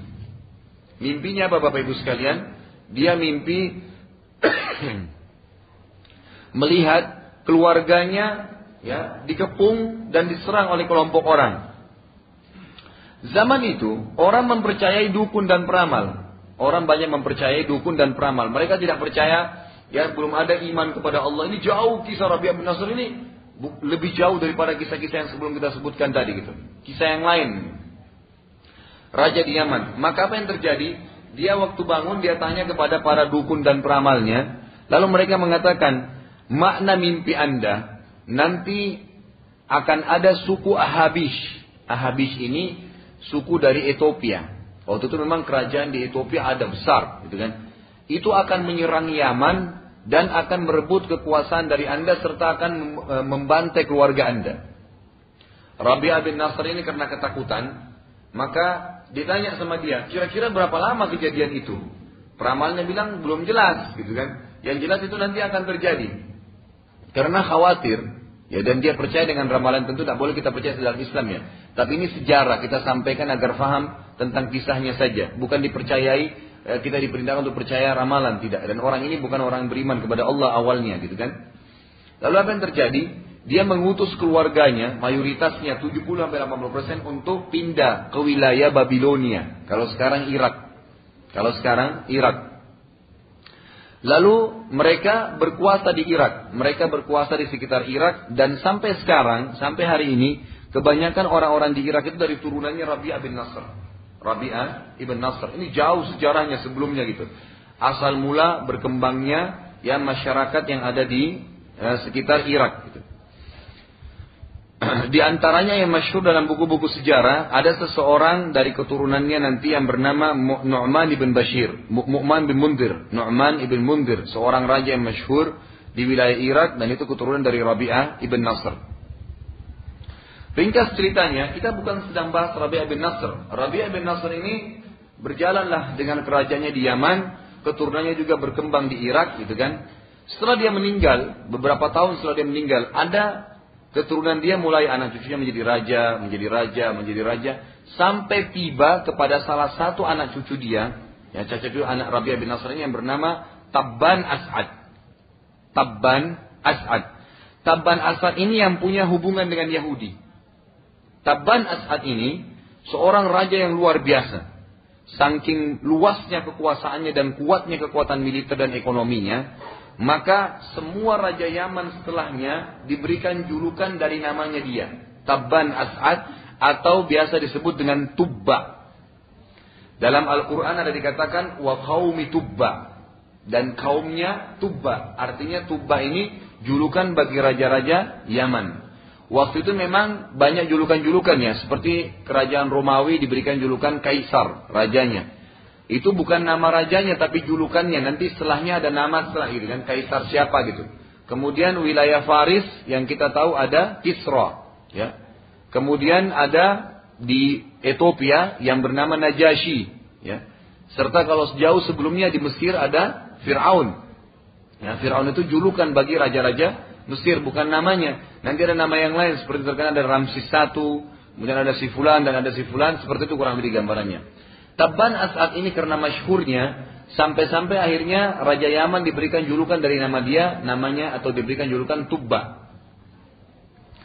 Raja ini terkenal dengan kekuatannya dan luar biasa. Dia sangat punya power yang besar gitu. Dan dia suka berniaga. Dia suka berniaga. Satu hari, ya Bapak Ibu sekalian dia mengadakan perjalanan bisnis Tabban Asad ini dari Yaman, kemudian dia melewati kota Madinah. Lalu dia membiarkan anaknya di kota Madinah. Waktu itu Madinah namanya Yasrib. Namanya Yasrib. Dan kita tidak boleh sekarang menyebut Yasrib ya. Nabi SAW melarang kita mengatakan Madinah Yasrib dan menggantinya dengan Madinah Munawwara atau Taba atau Tayyibah. Itu nama kota Madinah.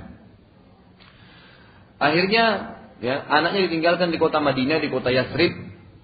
Setelah itu terjadi perselisihan antara anak Tabban As'ad dengan masyarakat Madinah, cekcok akhirnya terbunuhlah anaknya Tabban As'ad. Tabban As'ad ini karena dia raja di Yaman dan Madinah adalah kota yang kecil, Yasrib kota yang kecil, gitu kan? Lalu dia mengutus pasukan untuk mengepung Madinah, diserang karena dia ingin balas dendam kenapa anaknya dibunuh di sana gitu. Terjadilah peperangan antara Tabban As'ad kepada atau dengan masyarakat Madinah. Setelah terjadi peperangan, ya atau sementara terjadi peperangan, Taban As'ad kaget dengan perilaku masyarakat Madinah yang nantinya masyarakat Madinah ini yang menjadi kaum Ansar, ya sahabat-sahabat Nabi dari Madinah Ansar terdiri dari dua suku besar Aus dan Khazraj. Suku Aus dan Khazraj ini nanti dua suku besar yang digabung menjadi Ansar yang Allah mengatakan as-sabiquna al-awwaluna minal muhajirina wal ansar. Orang-orang yang pertama masuk Islam dari muhajirin di Mekah dan Ansar di Madinah. Nah awalnya kisah-kisah orang Ansar ini Aus dan Khazraj berperang dengan Taban As'ad. Taban As'ad ini merebut atau membalas dendam kematian anaknya. Yang paling pertama membuat Taban As'ad kagum waktu itu karamnya masyarakat Madinah. Apa itu karam? Kemuliaannya, ringan tangan, belum pernah dalam sejarah dia ditemukan dalam hidup dia dan mungkin sampai sekarang tidak ada sejarah gitu kan.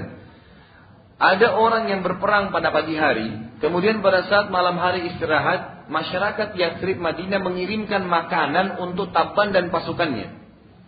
Serta mengobati, membantu mengobati orang-orang yang luka. Lalu Taban Asad tetap aja, saya tetap harus memerangi kota ini dan tidak ada yang menjelaskan kenapa masyarakat Madinah begitu. Tidak lama kemudian keluarlah dua orang pendeta Yahudi dari Madinah. Jadi sudah ada pendeta Yahudi di Madinah. Pendeta Yahudi dua ini ternyata dari keturunan orang-orang Yahudi yang sudah lama, ya.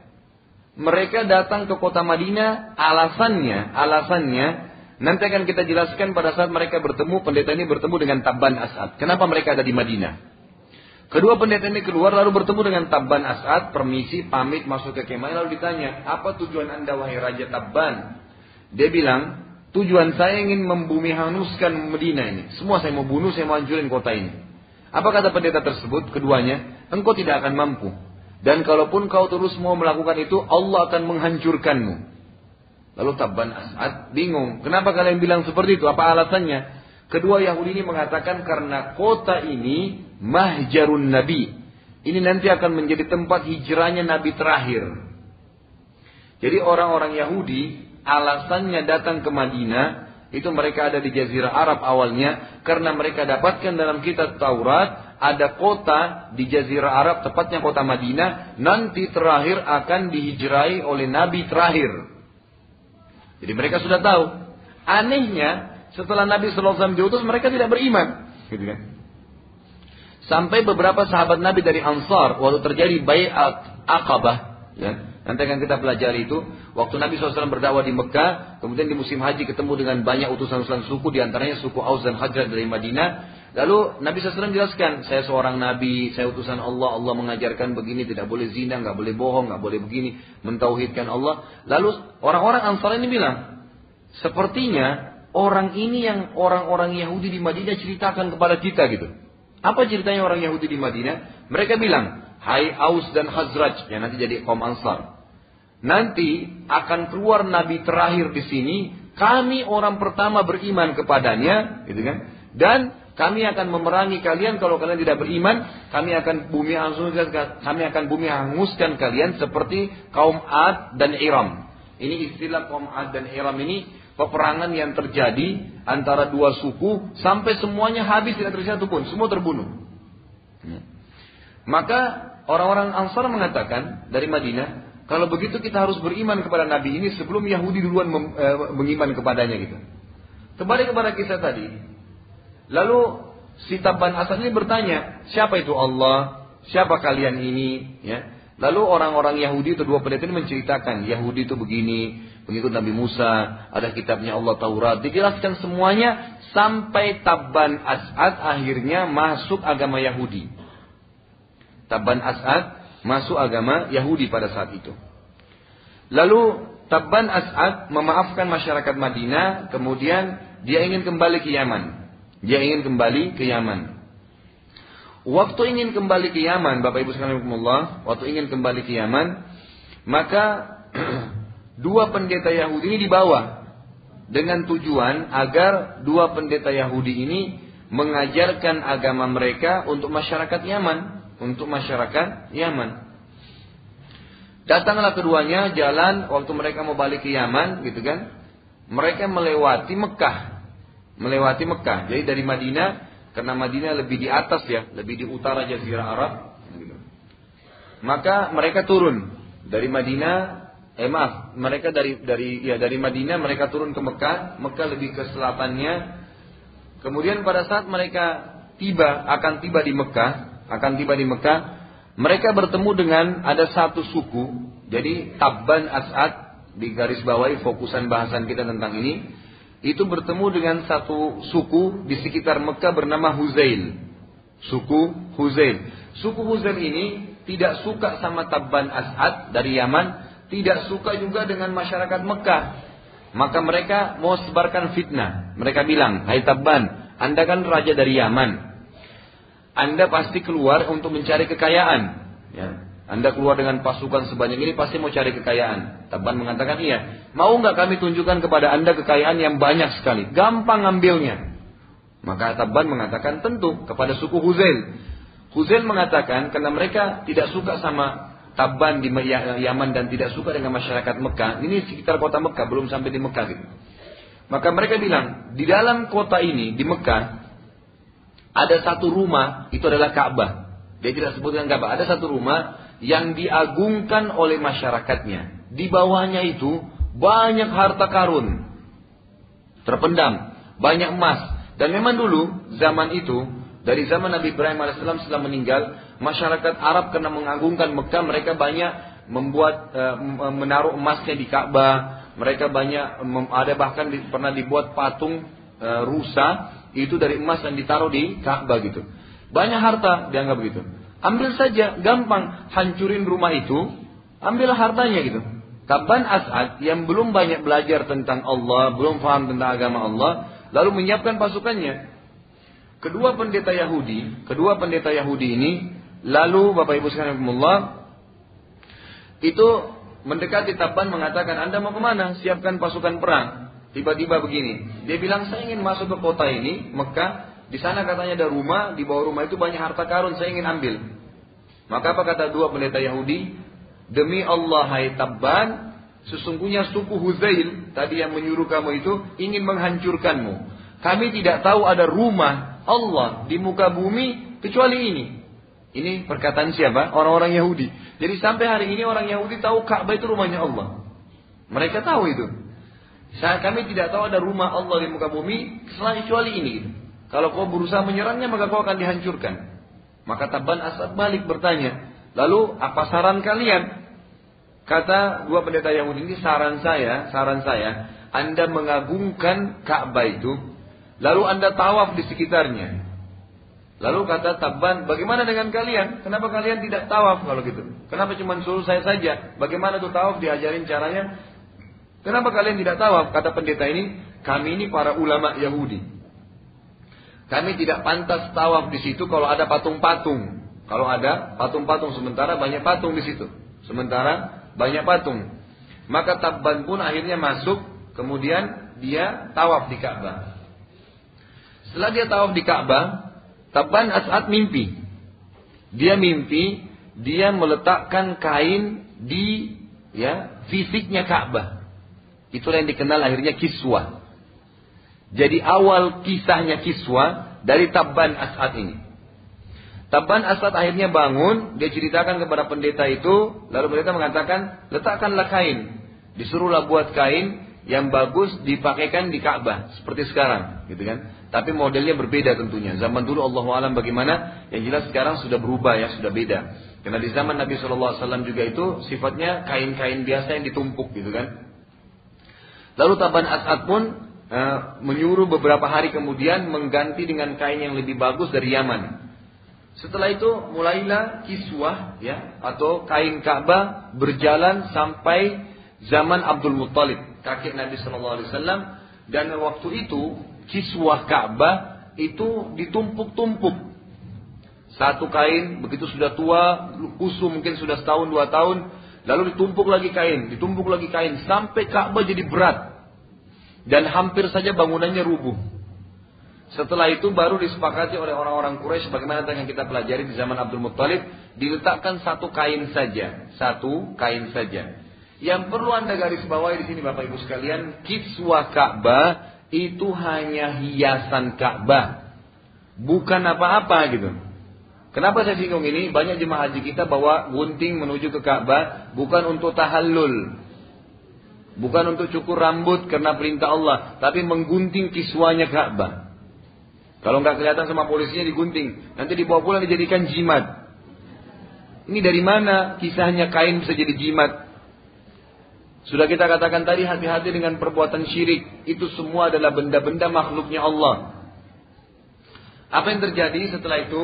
Ya, pulanglah Taban Asal ini ke Yaman. Ya ini sebagai closing bahasan kita tentang kisah Yahudi pulang ke Yaman, di Yaman kebetulan seluruh masyarakatnya awalnya itu menyembah api.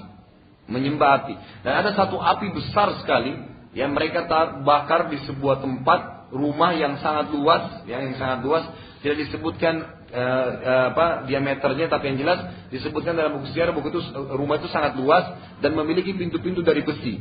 Kalau pintu besi itu mereka sembah di situ, ya mereka sembah.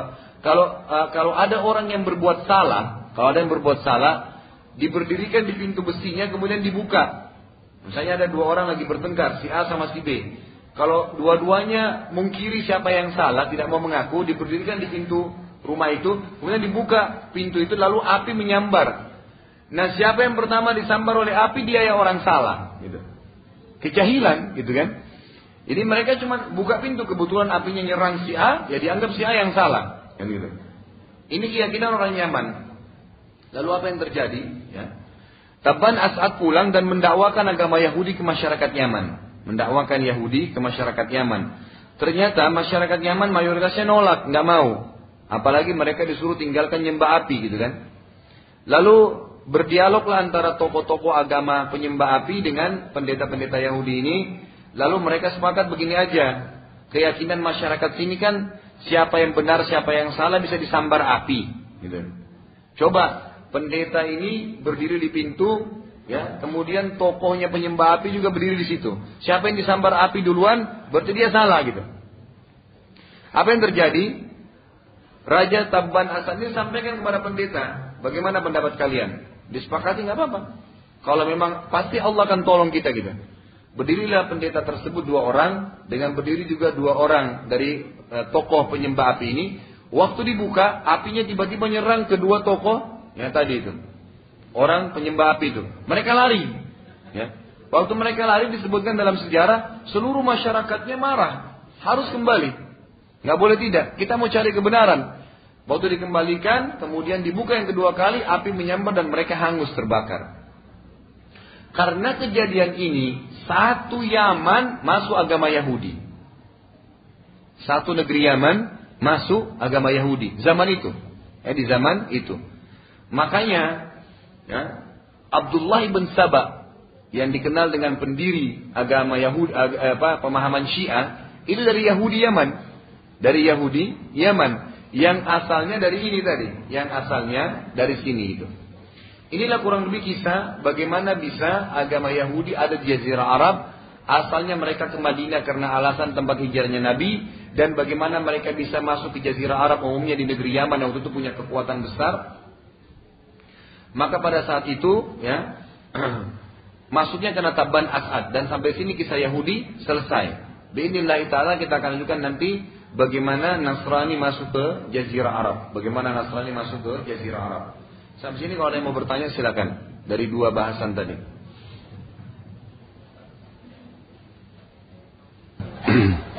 Iya, insya Allah kita akan sampai ke kisah itu nanti.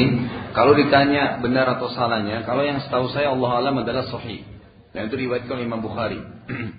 Nabi SAW sendiri yang menceritakan tentang diri beliau, ya, tentang diri beliau, bahwasanya beliau telah kedatangan dua orang ya yang menjatuhkanku ke dalam ke, atas tanah kemudian membelah dadahku, ya, kemudian mengeluarkan gumpalan hitam dari dadahku, dari hatiku dan menutupnya kembali. Dalam kisah sirah nanti kita akan sebutkan kisahnya itu terjadi pada saat Nabi SAW berumur enam tahun. Nabi SAW kan dua tahun pertama disusui oleh Halimah Sa'diyah di suku Sa'diyah di padang pasir. Nanti ada alasannya kenapa orang-orang Arab selalu membiarkan anaknya disusui oleh wanita-wanita di padang pasir, gitu kan? Ala kulihal setelah dua tahun biasanya mereka mengembalikan anak-anak masyarakat Mekah ke Mekah. Tapi Halimah Sa'diyah dan suaminya itu nggak mau mengembalikan Nabi SAW kepada Aminah karena menganggap Nabi SAW ada berkahnya di situ. Karena setelah Nabi SAW dibawa ke suku Sa'diyah, peternakannya jadi bagus, ya. E, Halimah jadi e, jadi kaya, jadi banyak, berkah hidupnya. Lalu ditahan sampai umur 6 tahun. Nah 6 tahun itu dikembalikan oleh Halimah dan suaminya ke Aminah. Aminah jadi bingung gitu.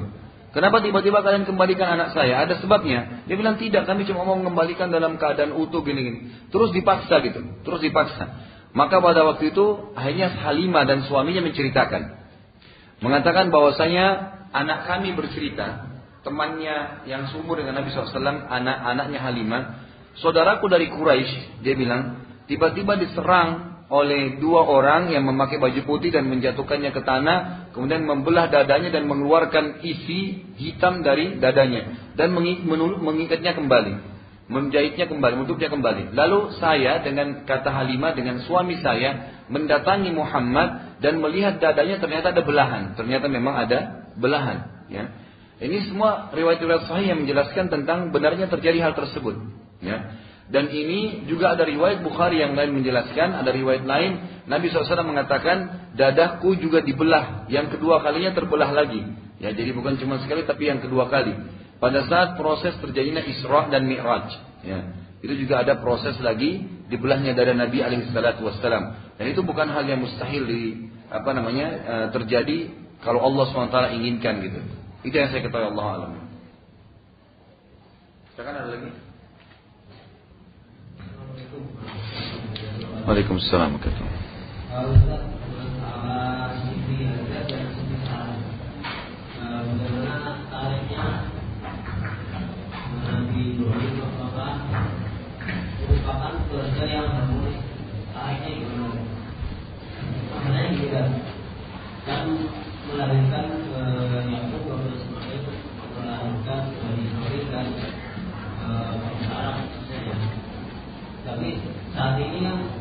antara Yahudi dan Arab khususnya kan nggak aku ya sampai gitu saling berperang gitu hmm. yang saya tanyakan eh, gimana eh, sioknya atau tariknya antara lihatnya siok apa baik saya sudah paham. Sebenarnya ini uh, terjauh dengan pertemuan kita yang kedua yang lalu ya. Jadi jawabannya itu Nabi Ibrahim AS menikah dengan Sarah dan Sarah adalah wanita yang sangat terkenal dengan kecantikan dan kesolehannya. Punya rentetan kisah kalau Bapak Ibu masih ingat rahimah rahimakumullah. Waktu itu di antara yang disebutkan dalam Al-Quran, Nabi Ibrahim AS membawa istrinya Sarah ke Mesir. Kemudian Raja Mesir waktu itu sangat balim, suka mencari, ya, e, mengambil istri orang, gitu kan? Suka mengambil istri orang, gitu kan?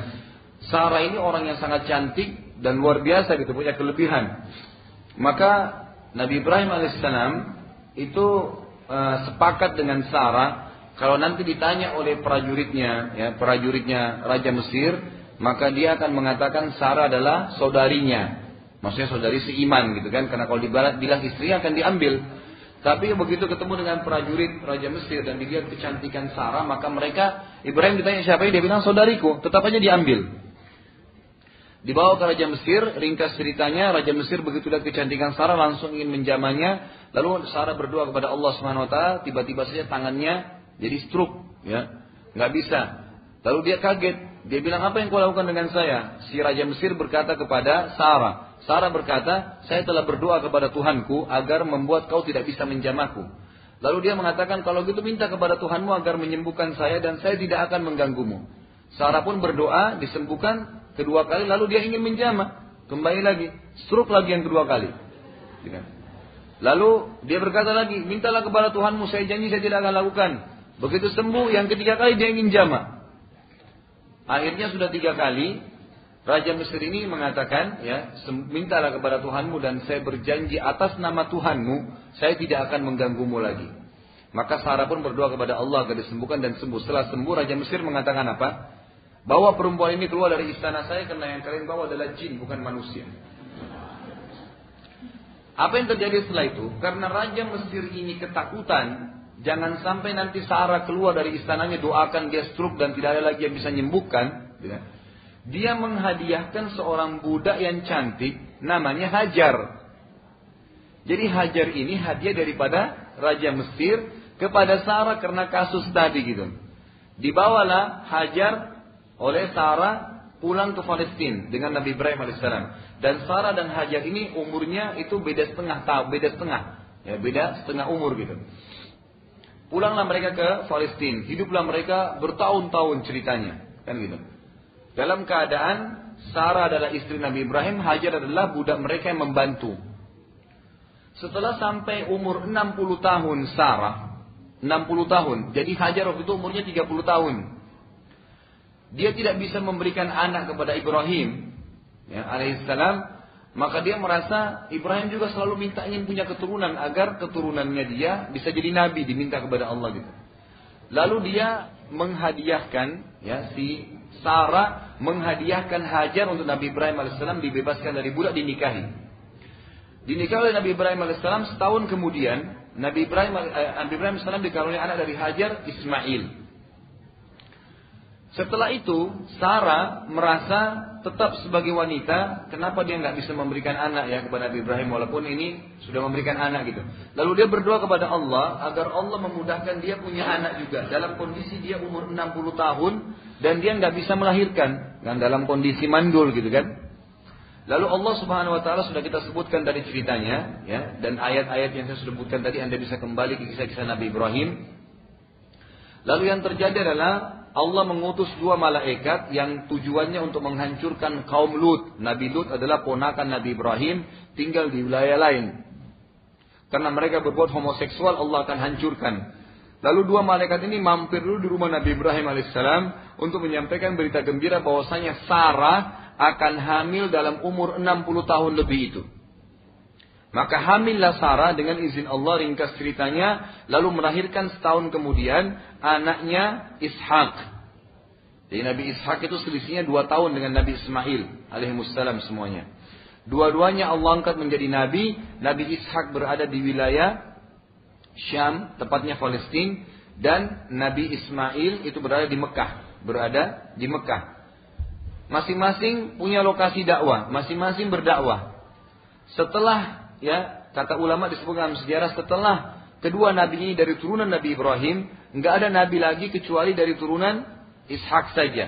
Ada Nabi Yakub yang namanya tadi Israel, ada Yusuf, ada, ada Musa, ada Daud, ada Sulaiman dan ada Isa alaihissalam. Ini turunannya gitu. Ini kisah Sarah dan Hajar dan mereka biasa-biasa saja akur nggak ada masalah. Kalau pertanyaan tadi dikatakan kenapa orang Yahudi dan orang Arab ini ada permusuhan, sebenarnya bukan karena Arab atau Yahudinya, tapi permasalahannya karena doktrin dan dogmanya, karena ke, karena penanaman ya pemahaman yang keliru. Orang-orang Yahudi menganggap Bapak Ibu sekalian bahwasanya selain Yahudi itu boleh ditipu, ya, boleh dibunuh nggak masalah, kan gitu. Bagi mereka, dan mereka tidak mau sembarangan orang masuk ke agama Yahudi. Jadi kalau kita sekarang pergi ke Israel mengatakan saya mau masuk agama Yahudi, nawarin diri, dia nggak mau. Mereka nggak mau terima karena mereka menganggap mereka lebih mulia. Sebagaimana dalam Al-Quran Allah ceritakan tentang sifat mereka. A'udzubillah rajim. Nahnu ab abna'ullah wa ahibba'u. Mereka berkata kami adalah anak-anak Allah dan kekasih Allah. Ya. Mereka mengaku sebagai anak-anak Allah. Mereka boleh menipu orang, manusia lain adalah budaknya orang Yahudi dan banyak sekali kisah berhubungan dengan orang-orang Yahudi. Nah orang-orang Yahudi sekarang kalau kita lebih kerucutkan bahasan kenapa mereka memerangi orang Arab yang ada di Palestina. Sebenarnya bukan karena orang Arabnya. Tapi karena kasusnya mereka menganggap semua wilayah yang pernah dilewati oleh Nabi Ibrahim itu wilayahnya orang Yahudi. Nabi Ibrahim alaihissalam tiga lokasi. Irak, awalnya di Babilonia, kemudian pindah ke Palestina, ya, kemudian masuk ke Mekah. Maka menurut orang Yahudi, tiga lokasi ini harus menjadi negerinya orang Yahudi. Nah, Irak, ya, Irak itu ada sekarang wilayah antara Irak dengan Iran, tepatnya sekarang masuk wilayah Iran. Namanya sebuah kota, kota Yahudiyah. Kota Yahudiyah itu satu kampung, satu kota semuanya Yahudi di Iran. Dan ada kata, ada hadis Nabi SAW yang berbunyi, Dajjal akan keluar dari kota Yahudiyah. Ternyata kota itu sampai hari ini ada di Iran. Dan itu mayoritas penduduknya orang Yahudi. Nanti Dajjal akan keluar dari situ. Ini mereka sudah punya basis di situ. Palestina mereka rebut karena mereka menganggap ada Masjid Aqsa dan juga wilayah Aqsa itu dulu dari zaman Nabi Musa ya itu sudah lama ada. Dan itu hak kami. Kami harus mengambilnya. Nah, untuk mengambilnya, karena orang asli itu adalah orang-orang Arab yang mukim dan dari zaman Umar radhiyallahu anhu, maka mereka meminta agar masyarakat Arab yang ada di sana ya membentuk ikut membentuk satu negara namanya Israel. Orang-orang Arab nggak mau. Negara ini adalah milik kami. Terjadilah seperti sekarang. Mereka mengambil secara paksa. Hanya karena mereka anggap Palestina, wilayah yang pernah dilewati Nabi Ibrahim alaihissalam dan itu hak mereka gitu. Dan setelah Palestina mereka targetnya Mekah dan ini mustahil gitu kan tidak mungkin. Karena banyak hadis-hadis yang menyebutkan Mekah akan terjaga dengan Mekah itu akan terjaga dan wilayah-wilayah Islam itu akan terjaga Madinah dan Mekah. Termasuk dari Dajjal.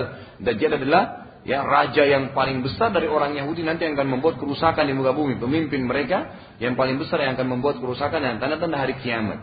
Allah alam begitu gambarannya. Ya, jadi karena kasus ya perebutan lokasi, jadi bukan karena sukunya gitu.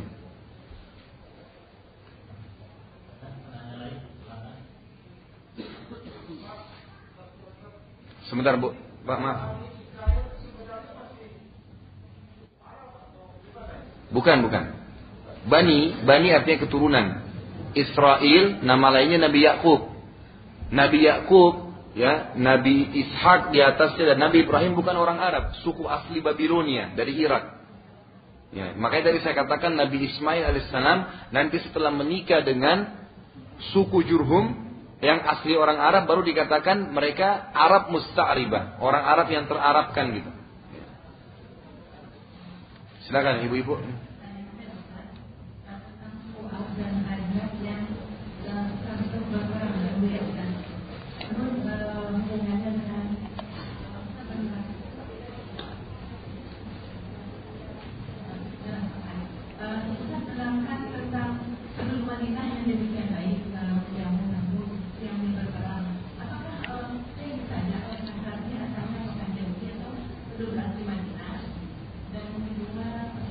Sebentar, yang ditanya yang tadi karam itu apakah mereka Aus dan Hazrat atau Yahudi?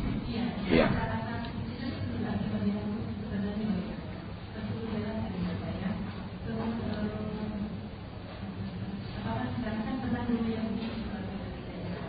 Apakah? Iya. Apakah sekarang masih ada gitu?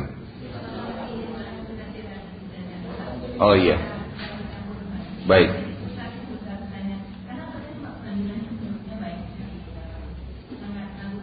Baik, ya, saya sudah paham insyaallah. Dari suku Aus dan Khazraj, ya. Ini kalau kita rentet sejarahnya sebelumnya Bapak Ibu sekalian, waktu tadi saya cerita tentang bendungan Ma'rib. Masih ingat ya, bendungan yang ada di Yaman yang pecah karena mereka Allah hukum karena mereka tidak beriman kepada Allah. Maka suku-suku asli orang Arab itu keluar dari Yaman. Ada suku Jurhum tadi yang ke Mekah, gitu kan? Ada suku Aus dan Khazraj yang menuju ke Madinah, yang menuju ke Madinah. Jadi bersamaan dengan zaman Nabi Ismail alaihissalam yang suku Jurhum ke Mekah, itu suku Aus dan Khazraj menuju ke Madinah, menuju ke Madinah dan mereka awal mula tinggal di Madinah di situ. Ini awalnya dulu. Jadi Aus dan Khazraj adalah suku yang datang dari Yaman dan mereka asli orang Arab. Tadi pertanyaan ibu, kenapa Aus dan Khazraj sering berperang? Gitu kan? Ada pertanyaan ini memang ada bahasan sendiri belum kita bahas sebenarnya. Tapi saya kasih gambaran begini. Orang-orang Yahudi yang ada di Madinah dan sifat mereka selalu begitu sampai hari ini.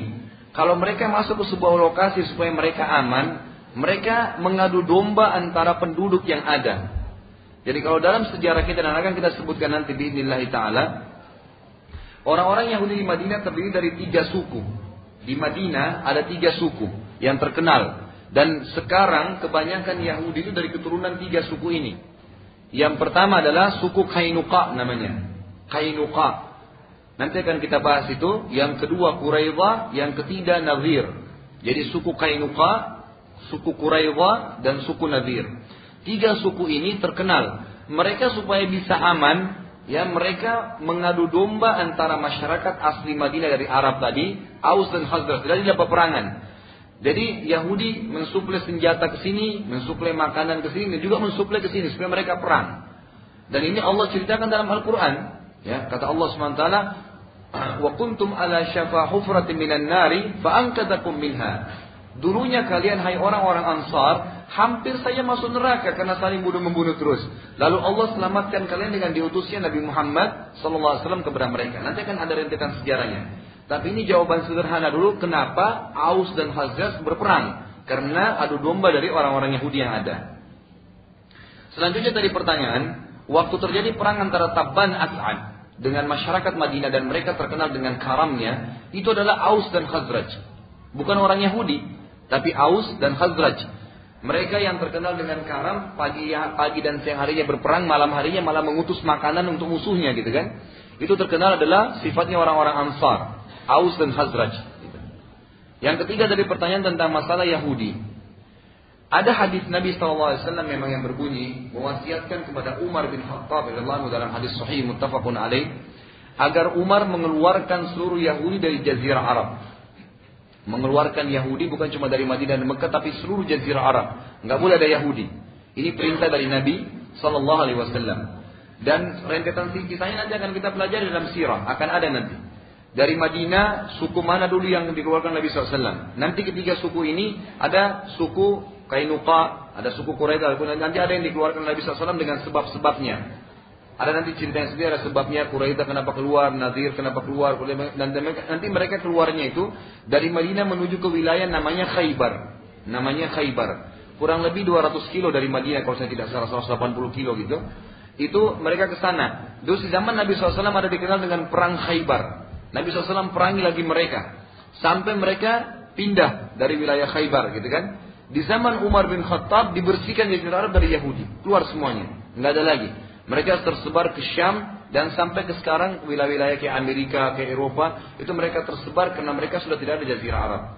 Yang saya ketahui Allah alam sampai hari ini di jazirah Arab tidak ada, ya. Tidak tahu kalau mereka berkedok ya, membawa karena terutama kalau di Arab Saudi itu memang ada peraturan. tidak salah itu memang tidak bisa, ya orang Yahudi masuk gitu kan. Ini memang ada peraturan kecuali kalau mungkin mereka pendatang saja, tapi kalau mungkin itu nggak mungkin karena mereka masih memegang sabda Nabi Shallallahu Alaihi Wasallam tadi itu kan, bahwasanya mereka tidak boleh ada di Jazirah Arab. Allah alam gitu bu ya.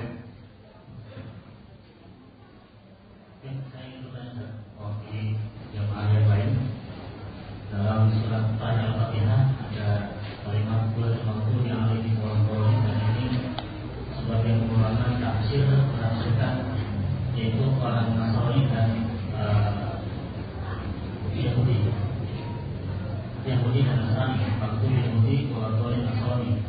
Juga sering kita dengar uh, istilah ahlu kitab. Hmm. Dan sebenarnya adalah definisi ataupun asal nuzulnya keluar istilah ahlu kitab ini dan siapa yang masuk dalam kitab. Dan yang kedua, dan saya uh, sampai sekarang itu Yahudi Israel begitu gencarnya mereka ingin menguasai uh, Palestina dengan segala termasuk membuatir dan uh, penjajahan seperti itu. Ini sebab utama dan motivasi utama itu apa? Ini mungkin jadinya akan kita bahas pada pertemuan mungkin sekilas bisa sampaikan terima kasih. Yeah. Tadi yang pertanyaan masalah apa tadi? Iya. Jadi ahli kitab diistilahkan dalam Al-Quran Allah SWT menyebutkan banyak ayat Yang antaranya adalah Ya ahlal kitab Ya ahlal kitab ta'alu ila kalimatin sawa'in Bainana wa bainakum Dan seterusnya al-ayat Juga banyak sekali hubungan dengan masalah ahli kitab Seperti dalam surah Al-Maidah juga disebutkan ya dikatakan oleh Allah SWT tentang bolehnya menikahi wanita ahli kitab bagi laki-laki muslim. Al-Maidah ayat 5. Yang Allah Subhanahu wa taala mengingatkan ya gitu. Semua ini kata ulama dan sepakati berita dari Nabi SAW dan juga dari para sahabat ahli kitab adalah Yahudi dan Nasrani. Mereka diistilahkan ahli kitab itu dari lisan Nabi SAW dan juga Allah Subhanahu Wa Taala. Ya, Allah Subhanahu Wa Taala. Kalau diitlakkan ahli kitab maka Yahudi dan Nasrani. Yahudi dan Nasrani. Dan semua hukum yang disebutkan dalam Al-Quran tentang mereka akan berlaku sampai hari kiamat. Yang berlaku sampai hari kiamat. Makanya di antara hukum yang dibolehkan di, yang sering dibahas dan kadang-kadang ada orang karena tidak paham ilmunya jadi salah menerangkannya Tadi Al-Maidah ayat 5 itu. Yang dibolehkannya menikahi wanita ahli kitab. Artinya bagi laki-laki muslim boleh menikahi wanita Nasrani atau Yahudi. Tapi tidak sebaliknya. Tidak sebaliknya wanita muslimah boleh menikah dengan mereka. Tidak boleh. Kalau wanita muslimah tetap harus nikah dengan seorang muslim. Ini hukumnya boleh. Tetapi kalau anjuran penekanan tetap menikah dengan muslimah. Kalau ada orang yang Anda dengar mengatakan itu kan ahli kitab dulu. Yahudi Nasrani dulu. Sekarang sama nggak? Sama saja gitu. Karena kalau kita membedakan sebenarnya statement orang Yahudi tentang penolakan Nabi Isa dan Nabi Muhammad SAW di zaman Nabi SAW. Statement orang Nasrani mengatakan Isa anak Tuhan dari zaman Nabi SAW dan sebelumnya. Nanti akan kita pelajari dalam kisah Najasyi bagaimana kerajaan Nasrani di Ethiopia yang rajanya masuk Islam di tangan Nabi SAW, gitu kan? Dan akhirnya Nabi SAW pada saat meninggal musolatinya itu adalah agama Nasrani dan mereka sudah yakin Isa adalah anak Tuhan. Jadi perbuatan-perbuatan syirik dan kesalahan mereka sudah dikenal memang di zaman Nabi SAW dan itu akan berlaku sampai hari kiamat. Tetap hukum ahli kita berlaku dan mereka adalah Yahudi dan Nasrani. Sudah. Oh iya, masalah Palestina. Tadi sudah kita sebutkan ya. Jadi mereka menganggap Palestina wilayah yang pernah dilewati oleh Nabi Ibrahim dan Nabi Musa. Semua wilayah yang pernah dilewati Nabi Ibrahim atau Nabi-Nabi Bani Israel mereka harus kuasai. Dan mereka memilih Palestina itu dengan banyak sekali pertimbangan. Di antaranya Palestina itu yang paling banyak disebutkan dalam Taurat, Injil dan Quran disebutkan namanya. Wilayah itu dikenal dengan Wadi, eh, Wadi Mukaddas ya, sebuah lembah yang dimuliakan oleh Allah SWT. Allah bahkan menyebutkan berkah Allah turunkan di situ. Jadi alasannya karena tadi, alasannya karena dianggap mereka lebih berhak karena nabi-nabi Bani Israel pernah lewat di situ.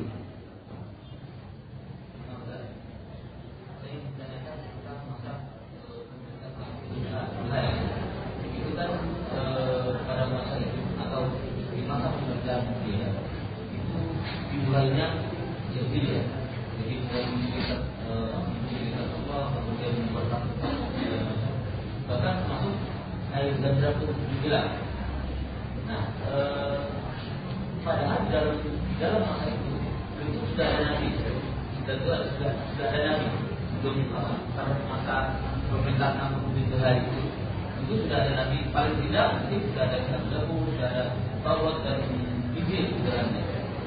Dan dilakukan izin dan dapur dan kesehatan itu kan sudah sudah perintahkan juga untuk berhaji ya kan walaupun mungkin hajinya menjadi alat di mana.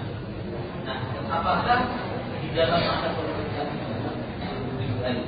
haji kita laksanakan kemudian bagaimana dengan syariat syariat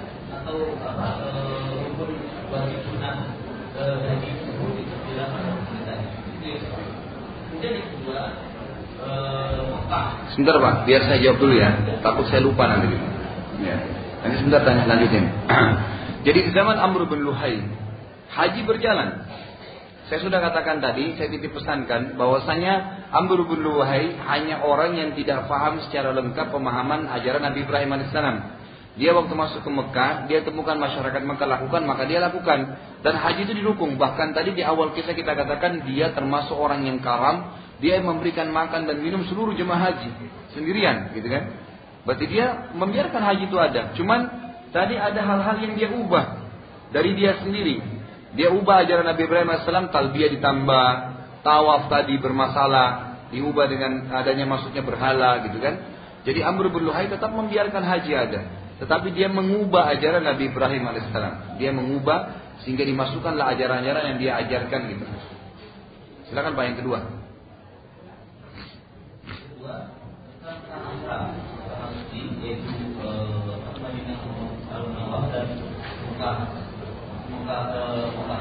Nah ini kan jadi Allah dalam itu diletakkan yang akan rusak.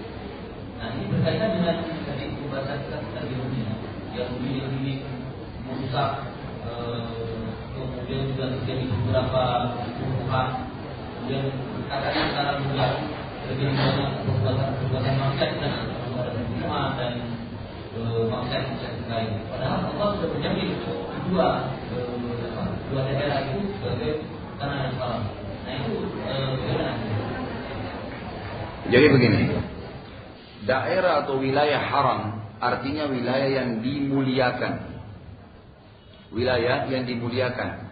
Kata para imam tafsir yang dimaksud dengan ayat At-Taubah 136 ya.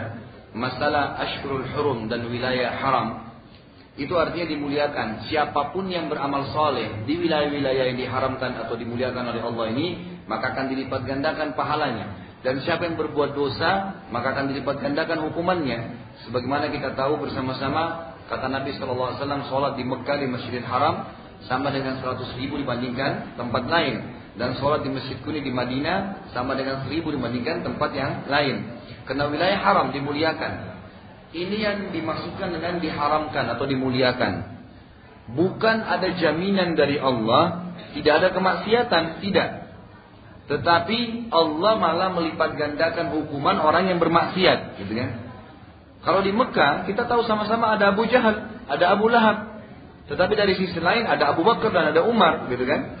Jadi di sana ada pelanggaran. Sampai hari ini, sampai hari ini ada orang tinggal di Mekah nggak sholat, gitu kan? Ada. Bahkan saya dikagetkan dengan dosen saya di Madinah pernah cerita, beliau mengatakan ada bahkan ya Khalid di Saudi di Arabia ini di Saudi Arabia orang yang belum pernah pergi haji gitu. Tinggal naik mobil nyebrang ke Mekah masuk aman tentram nggak tapi mereka belum pernah gitu. Nah, gitu. Ada bahkan masyarakat Mekah yang punya peluang setiap tahun bisa haji tinggal hari Arafah atau hari Tarwiyah pakai baju ihram haji nggak mau gitu. Duduk di rumahnya nggak pergi haji. Alasannya macet lah, padat lah segalanya. Ya kalau mau tunggu kapan tidak padat dan macet musim haji, nggak bakal bisa pergi haji gitu kan? Tapi itu alasan yang disampaikan. Hidayah di tangan Allah SWT. Ada kemaksiatan, ada kekurangan amal soleh di Mekah dan di Madinah. Yang dimaksud dimuliakan adalah Allah akan lipat gandakan bagi orang yang beramal di situ. Dan hukumannya berat bagi orang yang berbuat kesalahan. Sama dengan kasus tadi Isaf dan Naila patung yang Allah kutuk itu kan karena mereka berzina di depan Ka'bah dan itu banyak sekali kasus-kasus yang terjadi begitu. Siapa pun yang berbuat hal-hal yang negatif di sana itu luar biasa. Kebanyakan hukuman lebih cepat dan memang lebih berat daripada tempat-tempat yang lain. Jadi sini bukan jaminan dari Allah tidak akan ada maksiat di situ, kan gitu. Tidak, tetapi Allah memberikan fadilah bagi orang yang beramal dan ancaman lebih berat bagi orang yang berbuat salah.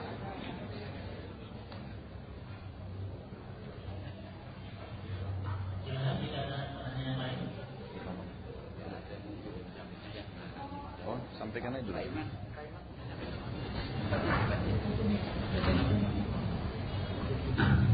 Assalamualaikum Pak Ustaz. Saya ada dua pertanyaan Pak Ustaz. Yang saya akan tanyakan untuk pembangunan Ansor sama Ka'bah itu jaraknya pembangunan berapa tahun Pak Ustaz? Satu yang kedua masalah bangunan Nabi Ismail itu siapa saja sebelum Nabi Muhammad selain Nabi Lot Ustaz dan Ustaz Assalamualaikum warahmatullahi wabarakatuh ya. Kalau yang ditanyakan jaraknya, jarak waktu pembangunan Ka'bah dengan Masjid Aqsa, saya Allah alam belum mengetahui poin itu. Saya tidak tahu, tapi yang jelas di dalam surah Isra diceritakan oleh Allah Subhanahu wa taala perjalanan dari Masjid Haram ke Masjid Aqsa. Menandakan bahwasanya Masjid Aqsa juga sudah lama adanya, kan? Sudah lama berada. Dan sebagian ahli sejarah mengangkat dibangun juga di zaman Nabi Ibrahim alaihissalam. Masjid Aqsa itu dan Masjid Aqsa itu ya setelah Nabi Shallallahu setelah Nabi Ibrahim alaihissalam kembali dari Mekah. Karena waktu dia kembali dari Mekah meninggalkan wilayah Mekah kembali ke Palestina dan Sarah istrinya itu ada di Palestina di negeri Syam. Begitu juga dengan keturunan-keturunannya maka Masjid Aqsa itu kemungkinan dibangun setelah Masjid Haram Mekah. Masjid Haram Mekah, tapi itu tidak Allah alam jaraknya berapa lama saya tidak tahu. Kurang lebih seperti itu. Kalau pertanyaan kedua tadi bagaimana dengan turunan Nabi Ismail Salam eh, apakah ada nabi ataupun siapa saja? Itu banyak sekali keturunannya, banyak sekali. Keturunan Nabi Ismail alaihissalam. Di antaranya nanti yang kita bahas adalah ya kakek-kakek Nabi Muhammad SAW dan tepatnya suku. Jadi gini, nah, Nabi Ismail nikah dengan suku Jurhum. Lalu suku Jurhum ini punya, uh, saya katakan setiap kali orang yang ditokohkan itu menjadi suku lagi, buka suku baru, cabang daripada Jurhum, gitu kan? Banyak sekali cabang-cabangnya. Di antara cabang Jurhum nanti ada Quraisy, gitu kan? Di antara cabang suku Jurhum ada suku Quraisy yang Nabi SAW dari Quraisy, gitu kan? Banyak sekali Ada sukunya Umar bin Khattab sendiri, sukunya Musa bin Umair sendiri, banyak suku-suku di Mekah itu. Kalau saya tidak salah dinukil lebih dari ratusan suku yang ada di Mekah. Dari pecahan suku Juhum dan suku Khuza'ah tadi. Dua yang sudah ada di Mekah gitu kan. Jadi kalau mau dibahas rentetan itu akan panjang sekali dan banyak itu. Tapi para ahli sejarah memang kebanyakan mengangkat orang-orang yang tertokohkan yang memang punya punya sejarah. Kalau yang di Mekah jelas Nabi Ismail dan Nabi Muhammad alaihi wassalam telah dua-duanya menjadi nabi. Begitu Pak ya. Sudah, Mbak. Sudah, sudah selesai. Kita sepakati terakhir ya. Di pojok silahkan terakhir satu kotak.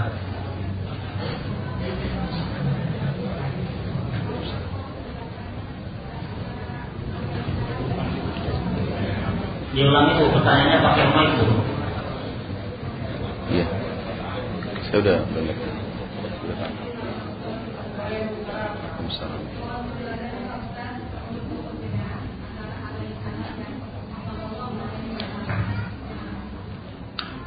Ya sebenarnya cuma perbedaan lafaz saja. Alaihi artinya untuknya. As-salatu wassalam, as-salah itu artinya tambahan ya rahmat ya. Wassalam keselamatan ya, tambahan rahmat dan keselamatan. Ini dibaca alaihi salam. Ini termasuk juga yang sering diucapkan oleh para sahabat ya.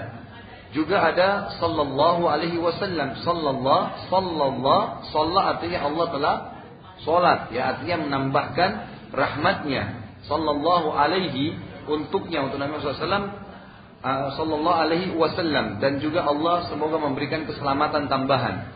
Jadi sebenarnya maknanya sama cuma perbedaan lafaz, perbedaan lafaz karena membaca salawat kepada Nabi alaihi salatu wassalam ada beberapa ada beragam macam gitu. Yang dinukil kepada kita yang pertama yang paling banyak sekali adalah sallallahu alaihi wasallam. Kemudian yang kedua ya alaihi salatu wassalam. Sebagian ahli hadis menambahkan dengan alaihi salatu alaihi alaihi wa ala alihi wasallam ya. Ada tambahan dengan keluarganya. Dan yang paling afdal salawat adalah salawat Ibrahim yang disebutkan dalam tahiyat. Allahumma salli ala Muhammadin wa ala ali Muhammad kama sallaita ala Ibrahim wa ala ali Ibrahim innaka Hamidum Majid wa barik ala Muhammadin wa ala ali Muhammad kama barakta ala Ibrahim wa ala ali Ibrahim innaka Hamidum Majid. Ini salawat yang paling afdal. Hanya ini kurang lebih lafaz-lafaz salawat gitu kan. Kalau di Indonesia banyak karangan-karangan memang. Ada salawat badriyah, ada nariyah, ada segala dilibat gandakan dengan bertawassul kepada orang mati. Seperti misalnya dikatakan bi ahlil badr, itu adalah tawassul kepada orang yang sudah meninggal. Dan ini dilarang oleh Nabi SAW. Tidak boleh bertawassul dengan orang mati sebenarnya. Jadi kita cukup dengan lafaz yang sudah diajarkan oleh Nabi kita alaihi salatu wassalam. Jadi ada alaihi salatu wassalam kemudian sallallahu alaihi wasallam atau sallallahu ala alihi wasallam, kemudian ada juga salawat Ibrahim. Dan kita akhiri kajian kita pada pagi hari ini dengan doa kafaratul majlis. Subhanallahumma wa bihamdika asyhadu an la ilaha illa anta astaghfiruka wa atubu ilaik. Assalamualaikum warahmatullahi wabarakatuh.